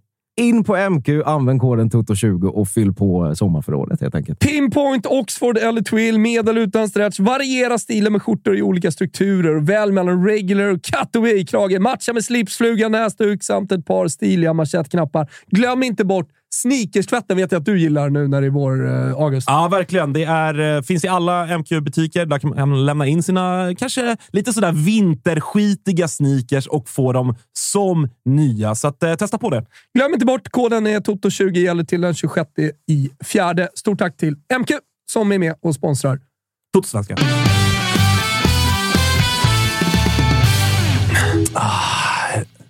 Filmkväll hemma hos Noah Persson. Total. men man- jag blir- Noah man- Persson har också ett... eh, Alltså familjen har garanterat ett litet sån här, eh, ett utehus Ja. där de får Exakt. hänga lite Ja, grann. exakt. Får vara lite själva. Projektor. Det är verkligen så. Mamma, får jag sova hos Noah nu? Han ska ju flytta Han till... frågar ju inte pappa storbagaren, för då blir Nej, det nej. exakt. Jag vill, hinna, jag vill hinna vara innan han ska flytta till Schweiz, som, som bagaren uttalade. Som i Sunes sommar. Schweiz? Vad är det för land? Schweiz? ja, det är så jävla bra. Ja, de mår ju bra i Mjällby. Alltså. Ja, ja. Herregud vad bra de mår och vad bra han är. Nu gjorde han ju mål på straff, vilket säger en del om hierarkisk ordning i den där. Han har kommit snabbt in i det, Alexander Johansson, men han fortsätter ju. Målfacitet är ju bra och skickade ut Bayern ur kuppen så att det är en jävla värvning de har hittat där. Low key, så som de värvar spelare. Vi ska ju ner och käka sillamackor och kolla cupfinal. ju. Just det. Det ska bli underbart. Ja, de är ruggigt effektiva mot Bayern just de här diagonalbollarna de slog liksom, hela tiden. Och, alltså, svårt att försvara sig mot. Och, nej, de, de har verkligen hittat någonting som, som är riktigt bra. Jag tycker att han är inne på det gällande det taktiska. Att så här, och det som de var inne på ja, men så här, mot er. Det var tydligt att så här ska vi såra Bayern. Det är som att alla elva bestämmer sig för att det här ska vi göra. Vi ska göra det lätt för oss och så gör vi det i 90 minuter. Som man är inne på också. Att så här, krävs det långbollar i 95 minuter, då är det långbollar vi slår i 95 minuter för att vinna den här matchen. Det är inte jättemycket att så här, vi har en identitet som vi ska förhålla oss till, utan hårt jävla jobb, två, tre enkla grejer och sen kör man på det. Ja, de är imponerande. Ska vi bara, ska vi bara innan ni går, jag vet att ni vill prata derby, men jag tänkte bara bjuda våra live-tittare på en liten, liten, liten GIF. Okej. Eller? Ja, kör. Kör. Kör. Ja, Det är Alexander Johanssons otroliga målgif. Alltså, den är Ja, verkligen... den är... Den är... Att han gick med, att han gick med på det Att han gick med på den. När han också vet att jag kommer nog göra ett par kassar den här säsongen. Fine om en mittback gör den där, som vet om att här, jag kan bjuda på det den gången någon råkar skjuta en boll i huvudet på mig och den går in. Men att alltså Adam Ståhls målgif såg man ju. Det såg ut som en skyttekungs målgif. Men han är ju liksom eh, ytterback. Ska inte, alltså, nej, det var motsatt. eh, Mot, det var bugg i huvudet där. Det är en riktigt härlig sån gubbhumor med att det är så kul med solglasögon inomhus också. Alltså det är det roligaste. De, jag, jag hade solglasögon på mig på stjärnkvällen när IFK Norrköpings säsongsavslutande gala. Det var ju Tor-Arne Fredheims bästa skämt var ju att låna dem och visa för laget. Hej, kolla på mig, jag har solglasögon. Alltså gubbar älskar sån skit. Alltså, det är ju Hasse Larsson som har beställt. Ja, det är det definitivt. Statoil Glaier också. Circle K heter det nu för tiden. Eh, vill jag vara tydlig med. Eh, hörni, derby spelades... Eh, jag vet inte varför. Derby spelades igår. AIK mot eh, Hammarby och jag gissar att du inför matchen, Walter, var oerhört segerviss med tanke på, den, med tanke på AIKs eh, veckor och också den elva AIK skickade ut. Ja, gud ja. Särskilt när man såg elvan. När man såg elvan så kunde man inte förstå hur AIK skulle kunna göra mål i den här matchen. Nej. Det var ju liksom... Det var verkligen hängslen och livrem. Jag tycker Brännan säger det efteråt. Det visar väl att, han förstår fotboll så otroligt mycket bättre än vad, vad man själv gör. Just den här, det som det gav AIK att kunna vinna bollen högt och att det, det blir en del i anfallsspelet. Att vara, vara liksom mer dominanta på, på mittplan. Men nej, det är klart. Eh, när man såg elvan så var man oerhört segerviss, även om jag inte var helt nöjd med, med Bayerns elva. Och det känns ju som Eh, tråkigt att Fenger missar matchen. Eh, det vill inte jag, men, men det, alltså det ska inte spela någon roll. Alltså jag, jag tycker på pappret så, så det är väl bara ytterbackarna i AIK som jag skulle vilja in i Bayern. I övrigt så, så tycker jag vi är bättre på varje position. Det var så det kändes i vart fall innan. Vilka förändringar, förutom Fenger då, som missade återigen, men vilka förändringar hade du gjort inför match ifall du hade varit i Martis skor? Nej, alltså jag hade nog inte spelat med, med eh, Majed. Jag hade, hade nog fortsatt med Joel Nilsson eh, för, för lite mer balans. Och eh, sen hade jag nog fortsatt med Boa också istället för, för Rabi på topp. Eh, så att eh, alla de tre och Mikkelsen, ja, han hade väl säkert petat in om han är hel och, hel och frisk och sådär. Men, eh, men med tanke på att alla de tre, de har aldrig spelat tillsammans så kändes det liksom som lite mycket väl chansning för min smak i, i ett derby. Också lite valpigt väl? Ja, absolut. Mm, ja, precis. Och, mm, ja, precis. Det är, alternativet är liksom eventuellt Djukanovic, men då är det samma problem. att det är liksom Djukanovic och Majed på varsin kant. Det känns eh, inte riktigt tungt nog i, ett derby. Så att, eh, jag, jag gillade inte riktigt det. Sen f- föll det ju inte alls väl ut naturligtvis, men tanken var ju att vi skulle vara Tanken var att AIK skulle stå lågt, vilket man kunde förvänta sig och då skulle vi ha liksom, spelare som kan utmana en mot en. Eh, Men vi hade ju inte ett anfall. Så att, Vi bara, vi bara ställa en kontrollfråga. Du har alltså hellre Dovin och Ajay än Kribben och Milosevic? Eh, ja, jo, Dovin har jag absolut hellre. Ja, ehm, och Fenger och eh, Kurtlus tar jag nog också hellre faktiskt. Eh, snabb eh, reflektion här. Vi satt ju exakt samma gäng efter ett derby som Hammarby vann i eh, kuppen eh, för inte så länge sedan. Och då pratade vi om chocken i att valparna gick in och var mest derbyspelare och väldigt, väldigt bra den matchen och tog för sig och smällde och allt det där. Så det är också en F- lätt att vara efterklok och säga att det är på grund av valparna, tycker jag. Men även om det känns som det nu så var det ju en och en halv månad sedan vi satt här och sa att vad fan, valparna tog ju ett derby med Mm, storm. Liksom. absolut. Så att man ska inte glömma att den analysen hade man ju inför matchen med. Att de gjorde det väldigt, väldigt bra sist. Jag tycker väl snarare, alltså så här, om, om man ska ta bayern perspektivet är snarare alltså Nahir Besara har inte varit så här blek, vad jag har sett, i alla fall sedan hans återkomst till Bayern. Tekje, dominant i cupmatchen mot AIK. Helt iskall och bortplockad igår. Sadik också tuff match. Så det är snarare... Även om Nej, här, nej, det- det, det, det, jag menar inte att Nej, nej, jag de, sa inte att du menar, nej, nej, men att de tre, nej, precis, men att de tre på topp, det är inte deras problem, utan det är mer alltså, i laguttagningen så Mm. tycker jag att det är lite väl riskfyllt att starta med tre helt nya spelare i derby. Det- Jag hade nog fortsatt hellre med, med den elvan som spelade sist. Det var Eller ju- Något liknande i vart fall. Det var ju bajare som började skrika på eh, sparka Marti, avgå Marti efter matchen såg jag på Twitter. Var, Mm. eh, Det måste väl vara galenskap, eller? Ja, jag tycker det är galenskap, men, eh, men jag har förståelse att man känner de känslorna. Men eh, det, det tror jag inte är aktuellt, eller det, det förutsätter att det, det är uteslutet. Men, eh, men det som oroar med den här matchen och med matchen mot Häcken är ju det obefintliga anfallsspelet. Det är ju det det är att, att förlora ett derby, det är inte därför de reaktionerna kommer, utan det handlar om hur det såg ut. Eh, för det var ju bland det värsta man någonsin sett, tror jag. Ja, vi konstaterade ju att senast AIK stod för en sån här enkel derbyseger där man är dominanta från första till sista minut. Det är ju, det är, vad sa vi, 2015? Jag tror att det är 2015. Bayern borta, 3-0 där Mm. Ofori och Mm. Kepos och den ligan. Men det var ju också ett helt annat... Alltså det var Bayern som mer eller mindre var färska upp i serien igen efter många år i superettan. Det var ju på den nivån, den här matchen. Ja, verkligen. Det var fruktansvärt. Jag, jag, jag kan förstå inledningen där när AIK får en ribbträff efter någon minut, att man är skakiga. De första fem är AIK helt dominanta. Men sen tycker jag Bayern reder ut det ganska bra i tio minuter. Eh, Och den, då tänker jag, okej, nu, nu, nu är vi igång igen. Nu, nu kan Bayern börja rulla och trycka ner AIK. Men sen så tar AIK över igen. Och, och det, det fattar jag inte vad, vad som hände där. För där kändes det som att vi fick kontroll på matchen igen. Eh, Men sen är ju, det är ju en total överkörning. Det, det är inget att säga, säga om det. Så vi, att Bayern inte har ett enda skott på mål. Jag tycker inte vi har ett enda anfall i hela matchen. Det, det är fullständigt obegripligt. Vad eh, känner du när du hör eh, Walter lägga ut orden på det sättet? Nej, att jag, alltså, jag håller med varandra mycket. Att, eh, men också förvånad. Eh, för att jag kände ju, precis som Walter, att när, när elvan, elvorna kom och, och AIKs elva liksom basuneras ut så tänkte jag, vad i helvete är det här för någonting? Och hur ska vi, precis som Walter säger, göra mål? Hela fotbollssverige såg den. Jag, Ah, alltså. jag, jag la ju också ut den elvan och var så här, vad är det som pågår där Ja. borta egentligen? Ja, liksom. men det, exakt så kände man ju faktiskt. Eh, samtidigt som jag kände lite så okej, fan, eh, för, för på pappret så är den ju liksom väldigt till, tillbakalutad och, och defensivt präglad. Och, och jag kände väl utifrån det att okej, fine, ta 0-0 och spring, få en pinne. Vi har inte råd att förlora det här derbyt. Det är det viktiga kanske här och nu, där AIK kommer ifrån. Eh, men sen så visar ju Brännan en, en, tycker jag, enorm taktisk kunskap och enorm taktisk liksom, eh, ja, men bredd i att han kan ställa ut den där förhållandevis orutinerade elvan och också på pappret defensivt balanserade elvan, men spela en så pass ändå offensiv fotboll som man gör. Eh, så att, eh, jag var, har varit kritisk mot, mot Brännan efter matchen mot Norrköping. Jag vill passa på att hylla honom efter den här insatsen för att jag tycker att det är en, eh, det är en, eh, alltså en taktisk knockout. eh, Brännström versus Cifuentes. Som är Och det här var ju, det var ju en liten snackis när AIK mötte Bayern i kuppen ju, Där Brännan kanske gick ut lite väl hårt efter matchen och sa att så här, det är surt att vi förlorar när vi är väldigt mycket bättre än, än Hammarby. Där var ju AIK inte väldigt mycket bättre än Hammarby. Men det var ändå ett AIK som, till skillnad från när AIK har mött Bayern de senaste kanske två åren, AIK har haft svårt att låna bollen, AIK har haft svårt att skapa tryck på Bayern. Vi såg ändå lite tendenser utav detta i kuppen, i alla fall efter Jimmy Durmaz-bytet när han kom in. Det var ett AIK som mer och mer tog över och ändå styrde spelet och hade svårt att skapa chanser, men ändå liksom någonstans hade skapat ett bra tryck på Bayern.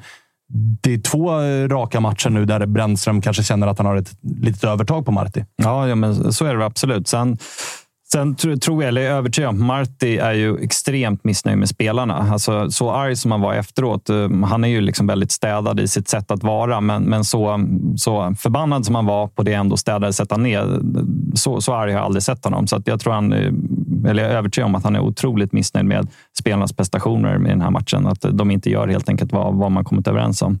Är det inte en grej för er som bajare? För att det här är ju att jag är en gubbjävel. Liksom. Men jag har ju alltid hatat liksom, tiki-taka bollinnehavsfotboll för att jag tycker det är så tråkigt. Och om man inte vinner då så blir man så. Vi gör ju ingenting. Vi bara handbollsspelar ju. Liksom. Vi har också haft perioder när vi har spelat så man har följt andra lag som spelat så och sådär också.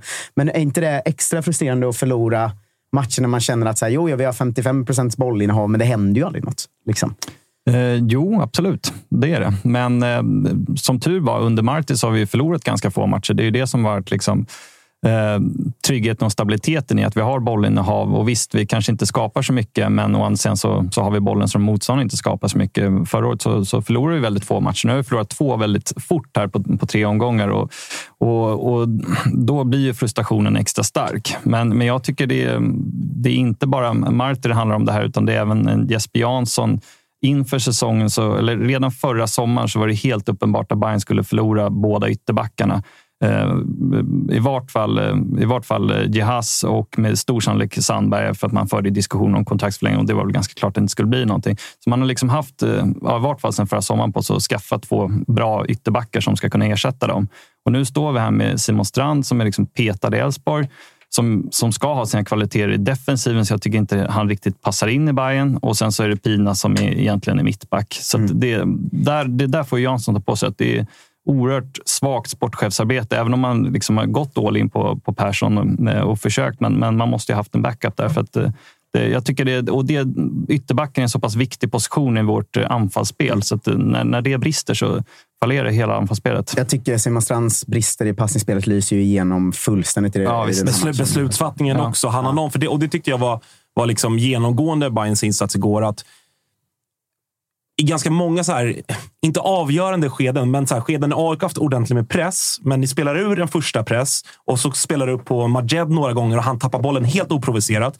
Så har ni några gånger när ni väl kommer upp på AIKs planhalva, det är någon gång när jag verkligen tänkte så här, herregud, vilken, alltså vilken dåre. När han tar ett avslut från så här 30 meter upp på... le- Alltså, när jag var så här, nu har ni flyttat upp laget och etablerat något form av så här, kan börja rulla igång nu. Och han tar det beslutet. För att han på något sätt är ja, men som han är. Han, han gör ju sånt. Det, det där får man ju med Simon Strand. Eh, alltså, Och, och, och då är det, det är extra provocerande. Han, han ska ha sin då styrka i defensiven och samtidigt är det han som liksom i Häckenmatchen till exempel bjuder på, på 2-0 målet tycker jag. Och så så att, äh, det, det där känns riktigt jävla oroande att eh, det är så svagt på ytterbackarna och det har stor betydelse för vårt anfallsspel. Så det där måste man försöka lösa i sommar om det inte går att träna dem till och, och passa in i det här systemet väldigt, väldigt fort. ser du inte Joel, Joel Nilsson som ett alternativ att flytta ner dit? Absolut. Ehm, och- Det är, väl, det är väl kanske där vi kommer landa också om det fortsätter på det här sättet. För att det, det är ju helt eh, oacceptabelt att inte skapa en målchans. Eh, Det, det funkar ju inte. Det fattar ju alla. Så att, eh, någon, någon, någonting måste ske där på, på ytterbacken tycker jag. Hörni, vi ska ringa en av planens bästa spelare i detta derby, nämligen eh, Robin Tihi som kom in och tog eh, en position som AIK har har saknat lite grann. Som den där sexan på mitten och som han gjorde det. August? Ja, det är, äh, det det är bland det värsta man har sett. Alltså, det är, eh, och, och just att det är Robin Tii. Jag tror att jag pratar för alla aik när jag, när jag säger att det är nog få människor i den där truppen som man unnar det så mycket. Det är en... eh, Eh, nu känner jag inte honom privat, men, men vad man liksom har konsumerat och, och känt av som, som AIK-supporter så är det en, en fantastisk person, ambassadör och, och, och en av våra egna. Uppväxt i klubben, uppväxt i huvudstad tror jag och, och sådär. Så att, eh, är så jäkla, jäkla roligt att se honom ta den här chansen. För det är också en, alltså, det är en mittback. Eh, han, är, han är ju mittback verkligen och, och få gå in i, i ett derby och spela på en ovan position och dessutom ställas mot kanske allsvenskans bästa spelare i Nahir Besara. Raderar ut honom fullständigt och är, är som du säger Svanen, en av, ja, men en av planens bästa spelare. Nu har vi med oss en av planens bästa spelare i det där derbyt i alla fall. Robin Tihi. Hur är läget idag? Läget är bra idag faktiskt. Man mår bra idag. Det förstår jag. Var det lätt att somna igår eller ligger man uppe och liksom spelar matchen eh, i huvudet också? Eh, nej, eller alltså det är de här koffeintabletterna man tar innan som, eh, som gör att det blir lite tufft. Så att, eh, nej, men annars så var det inte så mycket tankar som flög runt. Man njöt bara egentligen. Du, eh, vi var många aik men också som Marcus Tapper här som håller på IFK Norrköping. Många som var lite chockade över den AIK-11 som Brännan valde att eh, kasta ut. Hur mycket har ni liksom tränat ihop det där laget inför det här derbyt? Alltså, egentligen så ser man inte så mycket vilka som ska starta eller inte. Det är, vi tränar mest bara liksom, alltså hela truppen tillsammans. Och det är väl mest dagen innan som man kanske kan tyda lite vilka som kanske ska vara, ska vara i startelvan och vilka inte. Så jag menar, det är inte så att vi var så, så sam, alltså samspelta på något liksom, alltså bara att vi elva tillsammans, utan det är mest hela laget tillsammans.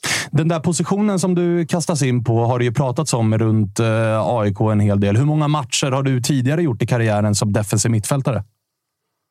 Uh, en, tror jag. Eh, mot Brentford. Ah, Okej, just det. Ja, precis. Då hoppade du in i den matchen. Du såg ut att trivas ganska bra där. Eh, ja, jag försökte väl. Vad är den största skillnaden med att spela på den positionen kontra mittback? Eh, det är att du har, eh, alltså du måste hålla koll på allting bakom dig. Det, är, alltså det blir som en helt ny dimension. Liksom, att du alltid måste scanna och, och liksom det blir, du har inte lika mycket yta som du har när du är mittback. Fattar. Du, eh, Brännan var inne i Discovery-studion efter matchen och pratade om att så här, efter Norrköping och Halmstad-matcherna att det var, man fokuserade inte jättemycket på fotboll, utan man pratade mer med liksom, eh, ja, men om det psykologiska kanske och försökte få folk att, eh, i laget att må bra och hela den biten. Hur, ha, hur var veckan innan derbyt här, efter Peking? Nej, veckan innan tyckte jag var fantastisk. Eller alltså, inte var fantastisk, men det kändes som att vi hade vi hade bra med energi. Det kändes som att alla var liksom revanschsugna. Och det pratades mycket om att höja energin i laget och liksom, eh, ja, pusha upp varandra. Men det kändes som att det redan fanns där faktiskt. Men, men eh, Robin, för, för, alla oss som, som följer AIK och, och inte minst via AIK Plus och ja, men så här, om man ser träningar och sånt också. Så trots, trots din unga ålder, du ändå fostrade den här klubben och kan den här klubben och vet att Eh, då och då med jämna mellanrum så blåser det upp till, till storm av olika anledningar. Man har ju sett dig ändå på något sätt sitta ganska lugn, i alla fall utåt sett. Att du pratar ganska lugnt i omklädningsrummet och då har du inte ens fått spela. Hur har det varit för dig, som ändå är fostrad i AIK, med allt vad det innebär och hur mycket AIK betyder för dig, att vara och verka i den här stormen där spelare som kanske inte har den bakgrunden som du har och kanske inte hanterar det här lika bra. Hur har det varit? Vad har du försökt bidra med när det kommer till sånt? Nej, men jag har försökt bidra med ett, eh, med ett lugn liksom, och försöka få alltså liksom alla i laget att uh, tänka på nästa match, tänka framåt. Liksom. För det är det enda som vi kan påverka i, i slutet av dagen. Det är, det är liksom nästa prestation. Um, och Då handlar det om liksom att ja, men pusha allihopa så mycket det går när det väl, alltså när det väl gäller och inte liksom tänka tillbaka. Så här, ah, skulle gjort det här, skulle gjort det här. Um, så det är väl mest det. Sen så Sen så, alltså, det är klart att man har känt av, man har känt av stormen, det har man. Men eh, samtidigt så har det inte varit så mycket liksom, ståhej i Karlberg utan det är mest varit att vi, vi tränar på eh, lite mer fokus än vanligt eh, och så kör man från det. Liksom. Du, eh, många som har fått beröm, både liksom, ni spelare i laget, men det har också pratats väldigt mycket om hur Brännan eh, taktiskt sett manövrerade ut en eh, hyllad eh, Marti i det här derbyt. Vad tryckte han på för nycklar inför att möta Bayern som ändå har ett mittfält som stora stunder har imponerat. Både förra säsongen men också inledningen utav, eh, utav denna.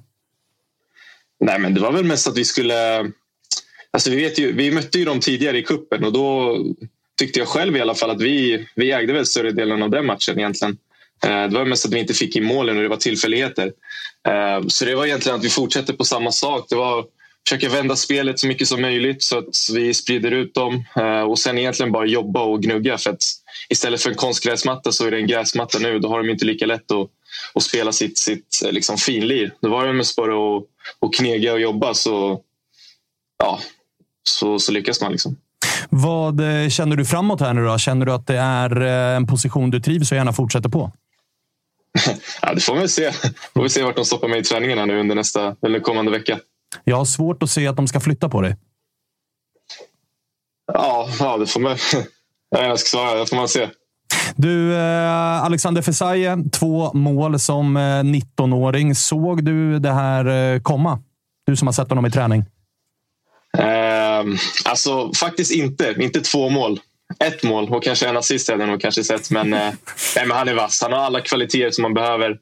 Många drar den här Alexander Isak-parallellen, men, eh, men det, är, alltså, det är ändå rätt likt. Jag menar, han, är, han är tekniskt skicklig, han har väldigt bra tillslag. Han är, han är, alltså, han är fysiskt stark ändå för sin ålder. Eh, och det kommer bara fortsätta utvecklas. och, så, alltså, nej, det har man sett. Det har man sett på träningarna. Hur var stämningen i omklädningsrummet efter då? För jag tänker att det här är, eh, dels är det ju ett derby, men som vi var inne på, det har varit ett par stormiga veckor. Det har varit en tung inledning på säsongen. Det är en del som har pratat om att så här, ah, men AIK har inte lyckats ersätta ledarna i Sebastian Larsson och Micke Lustig och allt vad det här är. Så jag kan tänka mig att det var en ganska, ja, men ganska stor dos lättnad också efter eh, 90 spelade minuter. Ja, det var det verkligen. Om man liksom, eh, tänker på det från ett annat perspektiv, ifall vi hade torskat, liksom, då hade det varit alltså, ja, då hade det varit en riktig, riktig orkan om man säger så. Då. Men, eh, nej, men så det var verkligen en, en lättnad. Och, men nu handlar det egentligen om att, om att ställa om. Det är Värnamo nu på, på söndag tror jag det är. Så att, eh, det spelar ingen roll om vi tar den här trean om vi inte tar nästa trea. Så att, det handlar väl om att liksom fortsätta rida på den här ändå positiva vågen som känns nu efter matchen. Eh, Du är inne lite på det här nu, men vi som sitter i den här typen av program försöker alltid liksom hitta på säsongsdefinierande matcher och sådär för att man, mest för att man ska ha något att prata om. Men, men eh, Värnamo borta känns väl lite som en sån. För skulle det bli torsk där, då är det ju ett dåligt läge i Gnaget. Men om det blir vinst där, då är det helt plötsligt en svajig inledning som sen vänder ganska fort. Liksom. Hur, hur viktig är matchen mot Värnamo att ta en trea i? Nej, men så, ja, exakt. Alla matcher är ju viktiga i sig, men eh, det känns ju speciellt eftersom, eller efter den här perioden som att den, eh, den, är, den är jävligt nyttig. Speciellt eftersom att den är på, på bortaplan också. En bortaplansvinst, eh, det, alltså det, det känns lite, men det är lite tyngre. Um, nej, men som du säger, det är självklart att uh, nu gäller det också att fortsätta på den här, uh, på den här vågen. Liksom. Med tanke på vart du eh, spenderade ditt fjolår, Robin, hur mycket eh, kommer du sätta dig med, med Mesut och Brännan och gänget inne i, i tränarrummet i, i veckan? Eller hur, hur ser det ut? Nej, de har koll. Men jag kommer försöka lägga in ett och annat tips. Ja, det är bra. Det är bra. Bra Robin. Du, eh, du ska få njuta av derbysegern lite till och sen ladda om inför Värnamo. Vi tackar för att vi fick ringa. Nej, tack så mycket. Vi hörs. Ha det, Ha bra. bra. Ha det bra. Ha det bra. Tja, tja. Det är väldigt intressant med den typen av match nu. Alltså, för att, eh, det är lätt att sväva iväg nu om en derbyvinst, men det behövs ju verkligen en vinst i nästa omgång för att det inte ska vara en riktigt Ja, dålig så är det ju, så är det ju egentligen. definitivt. Tre pinnar på fyra matcher hade ju varit eh, fullständig katastrof igen, såklart. Eh, vad eh, säger du? Ska han fortsätta som sexa? Nej, alltså, såklart svårt att säga någonting annat efter, efter igår. Men nej, nej, det tycker jag väl i ärlighetens namn inte. Eh, och det är mest egentligen för att jag ser honom som, som en framtida väldigt, väldigt bra allsvensk mittback. Alltså det är ändå där han är fostrad, det är där han har spelat. Sen så i matcher likt den igår, så länge ett skadeläge och truppläget är som det är. Alltså så här, säg, eh, vi har Malmö borta om typ fyra omgångar eller något sånt. Spelar honom som sex- sexa då? Absolut. Men spela honom som sexa mot Värnamo på söndag eller Sirius hemma? Ja, det vet jag tusan. Men, men i de matcher det kan krävas, absolut. Sen får vi se också. Det, det är också det som blir intressant med det här. Det är intressant att se hur, hur andra spelare på de positionerna kommer reagera. Hur, hur reagerar en, sån- en sån som Jimmy Durmaz på den här petningen? Alltså det är ändå anmärkningsvärt. 90 minuter på bänken igår. Jag hoppas att han tar det på rätt sätt. Vi får se. Eh, men så, eller kan man spela de två tillsammans? Det finns så jäkla många scenarion som, som blir eh, lite huvudbry, men, men, men ja, spännande. Ska vi säga att vi inte alls nämnt eh, till som väl är bäst på plan? Typ. Han var, han var bra. Han var faktiskt riktigt bra. Jag tyckte han gjorde superinsats. Jag Ja. såg inte riktigt den komma.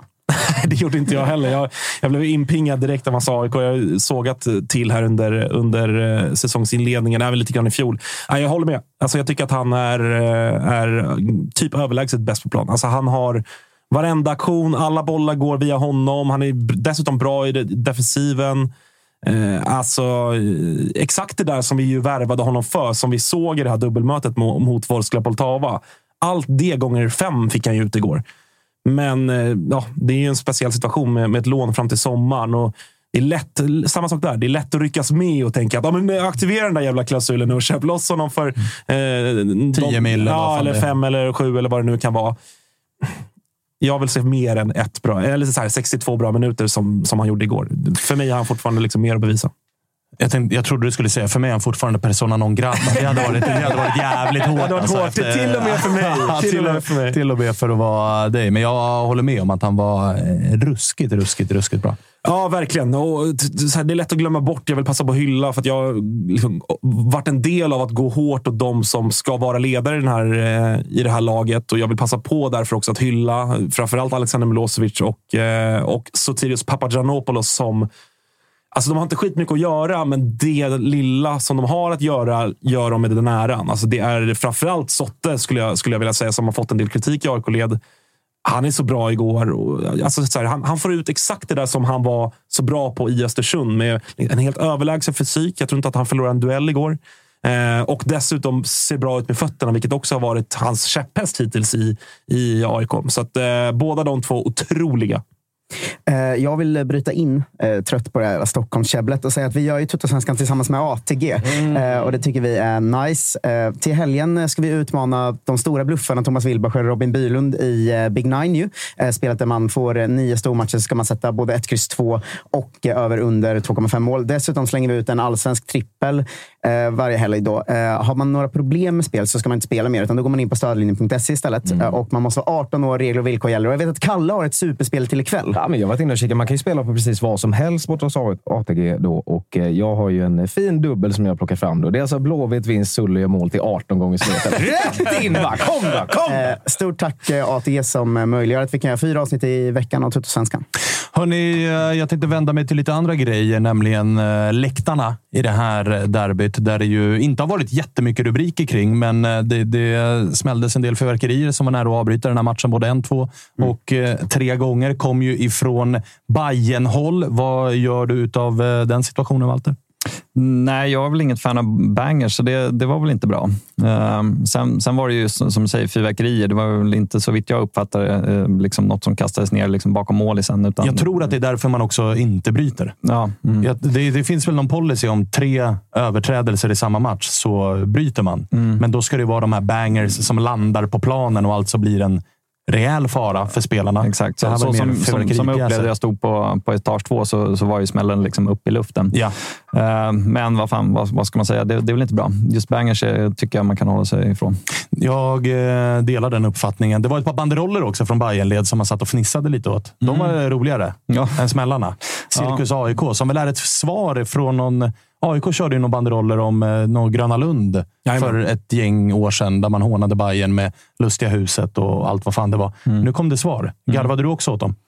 Eh, nej, det kan jag inte påstå. Alltså, jag, jag, såg, jag, jag såg dem inte. Jag, jag stod ju bakom det. Så att, eh, det, det var ju först efteråt man såg det och, och då kunde man hålla sig för skratt. eh, av många Ja, det är sant. Det är sant. Det är sant. Det är sant. Jag trodde du såg dem live. Då hade de, varit, de kom ju innan avspark.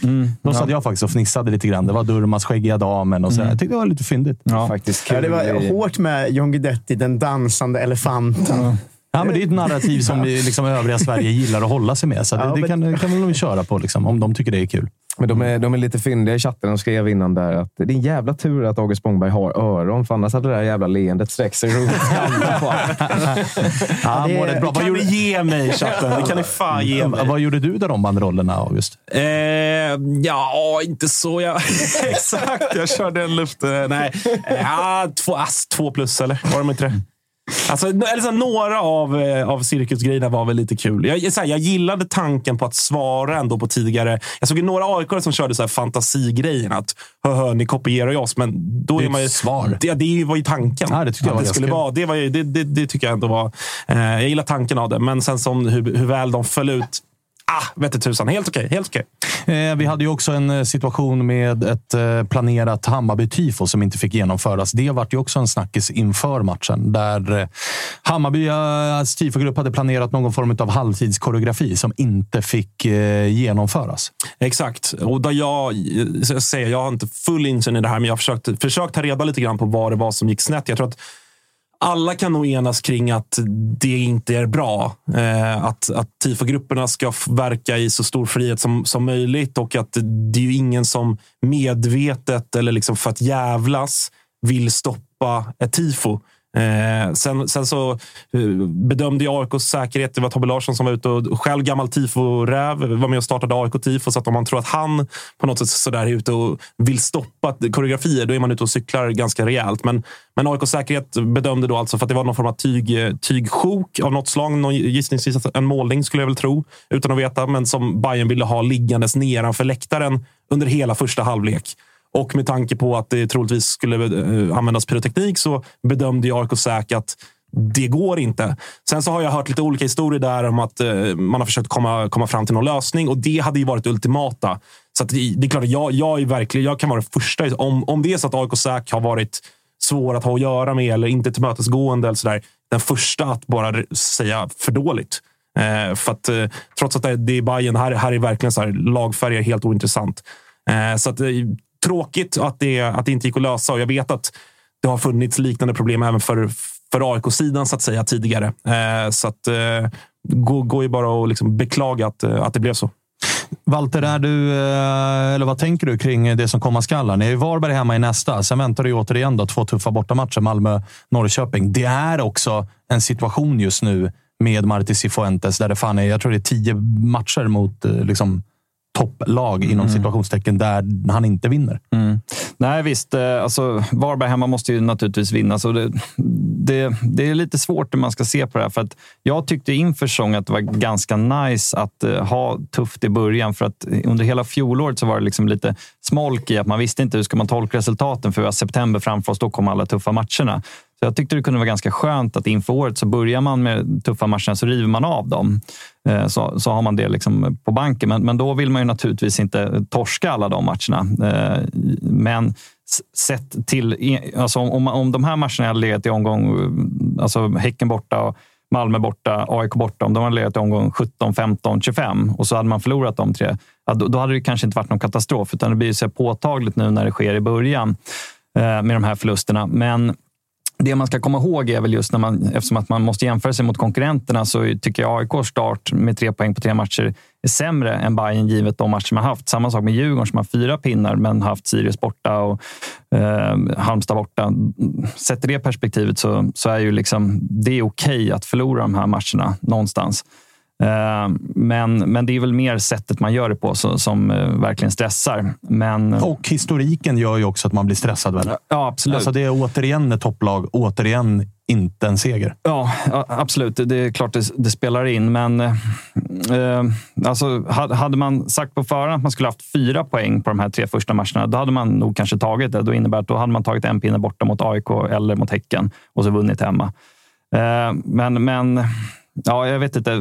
Naturligtvis, vi måste vinna nästa match och eh, sen så bör vi väl ta poäng borta mot Malmö, alternativt vinna kanske borta mot Norrköping för att det ska vara, starten ska vara okej. Det har ni gjort eh, en gång sedan 2021. Ja, ja precis. Men, men som sagt, sen har vi alla de där matcherna bakom oss. Typ, jag har sett spelschemat de sista nio omgångarna så har vi sju på hemmaplan. Så att det, man Hur måste... fan är det ens möjligt? Ja, men det, och sen de två bortamatcher vi har, då är typ Värnamo och Varberg. Något så här. så att vi har riktigt bra, men vi har väl Djurgården hemma, någon av dem, eh, av dem där på hemmaplan. Men, men ehm, så, så det måste man ha med sig. Att vi, vi är snabba på i den här podden och i andra sammanhang liksom konstatera. Du snackade tidigare om BP ute. Vi såg vad som hände med Degerfors förra året. Liksom. Så att det, det är jävligt tidigt. Så att, mm, om vi har alla tuffa bortamatcher avklarade de första fem, sex matcherna. Sen så kan, har vi 24 omgångar på oss och liksom knapra ikapp.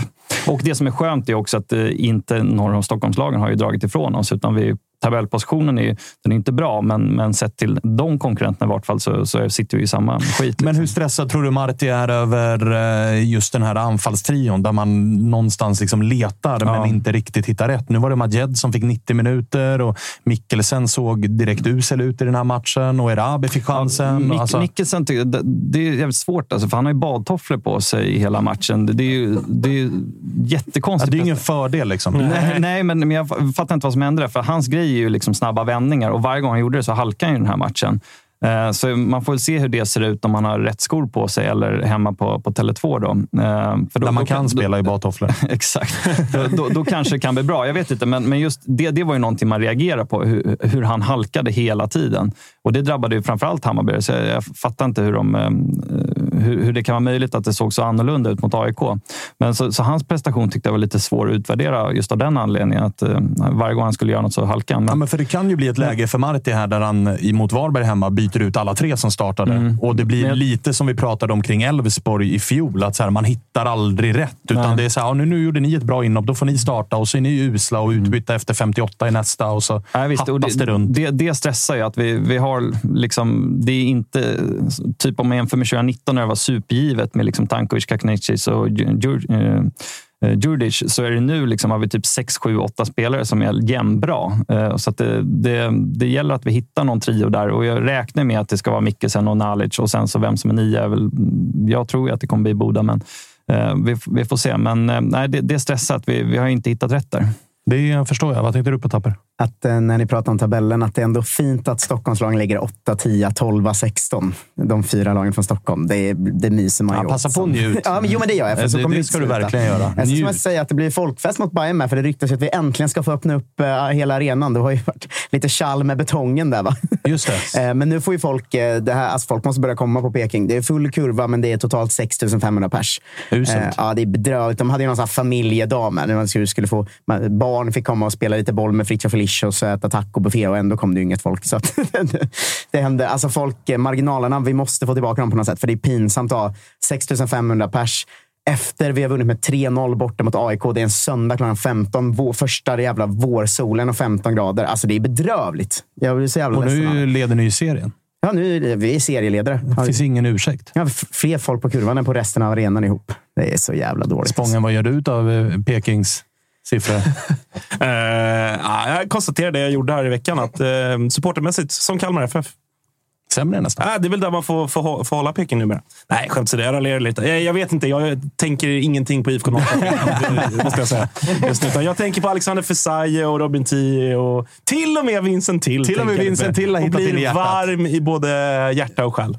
Och på andra ställen också, för den delen. Det var du som sa. Ja, det var det. För att jag ser det på dig. Ja. Jag ser det på dig att det spritter Ja. i dig. Jag vill ut i vårsolen nu. Ja, det vill du. Det vill jag också. Eh, hörni, stort tack alla som har eh, lyssnat och tittat och eh, njutit av ännu ett avsnitt av eh, Toto-svenskan. Vi får se hur glatt det är i studion på onsdag. Det kommer att vara mörkt då också. Oroa dig inte för det, Walter. För Freddy Arnesson ska hit och prata om Djurgårdens, eh, ja, men, eh, enligt dem själva, jävla superinsats nere på Örjans vall. Eh, otroligt bra var de och förtjänade absolut inte att förlora med två Ja, klara e- noll. Efter karriären, Kim Bergstrand och Edin Kurtulus, experter. Det blir, det blir spännande. Ska, det har vi inte ens tagit upp, men Kurtulus halvtidsintervju går nästan till historien, va? Ja, det blir... Ja, jo, jag har ju sett det efterhand och han har väl inte mycket rätt där. Nej, det, det, han hade en jobbig dag på kontoret, Kurtulus, som också var uppe och käkade en grillad med bröd. Tur och retur ketchup-senap efter att Fesaje eh, lurade upp honom på läktaren i samband med 2-0 målet. Jag vill Eh, säga till vill de som säga? såg att jag började garva när vi pratade med Möller. Det var ju för pushnotisen var inte helt ljus när den kom. Beskedet. Alla får sparken. Vilka skickade ut den det var pushnotisen? någon f- fotbollsskål eller någonting. Så Ah, okej. Granqvist tving, tvingas bort och tränar du och lämnar. Men just rubriken, beskedet kolon, alla, får Alla sparken. får sparken. Det är fan en underbar rubrik alltså. Det är, det, det är en sån rubrik som många klubbar, eller supportrar drömmer om när man kör, när man kör avgå alla-ropen. Hade Då är det den- den där rubriken man vill ha. Hade den kommit efter 0-3 på Friends hade ju ni blivit glada. Ja, ja. Är tårta, skumpa. Hela, hela jävla... Nu ska alla få Det finns ju den livstidskontrakt klassiska istället. AIK-hängelsen död åt alla. Ja, det finns också. Det en- Det hade varit en stark. stark pushnotis. alla är döda. Ja, det hade varit halvjobbigt. Det kan vi verkligen säga. Eh, hörni, tillbaka igen här vid på onsdag i alla fall. Vi får se hur det går i eh, klassikermötet på Gamla Ullevi i eh, kväll också. Kalle, vad vill du säga? Jag vill bara, fan, jag gör inte det så ofta, men man kan ju verkligen se oss på YouTube eh, live varje dag. Eller inte varje dag, men måndag, onsdag, fredag klockan 14. Och chatten är fan, de har varit fem plus idag. Och Det är ganska trevligt där inne. Kika förbi om ni har eh, lite att göra på jobbet. Välkomna in i chatten allihopa. Klicka på prenumerera också. Ni är jävligt många som kollar på oss just i detta nu. Yeah. Då kan man också göra en sån här uh, massaktion och bara klicka på den här tummen upp också. Det är tydligen bra för programmet har jag lärt mig. Det är Kalle Nilsson som kan det här med YouTube som har lärt mig att uh, det kan man påminna folk om ibland. Glöm inte att följa oss på Twitter, Instagram och hela den här balunset. Vi hörs igen på onsdag. Tack och hej. Ka- Kalmar går rent tror jag.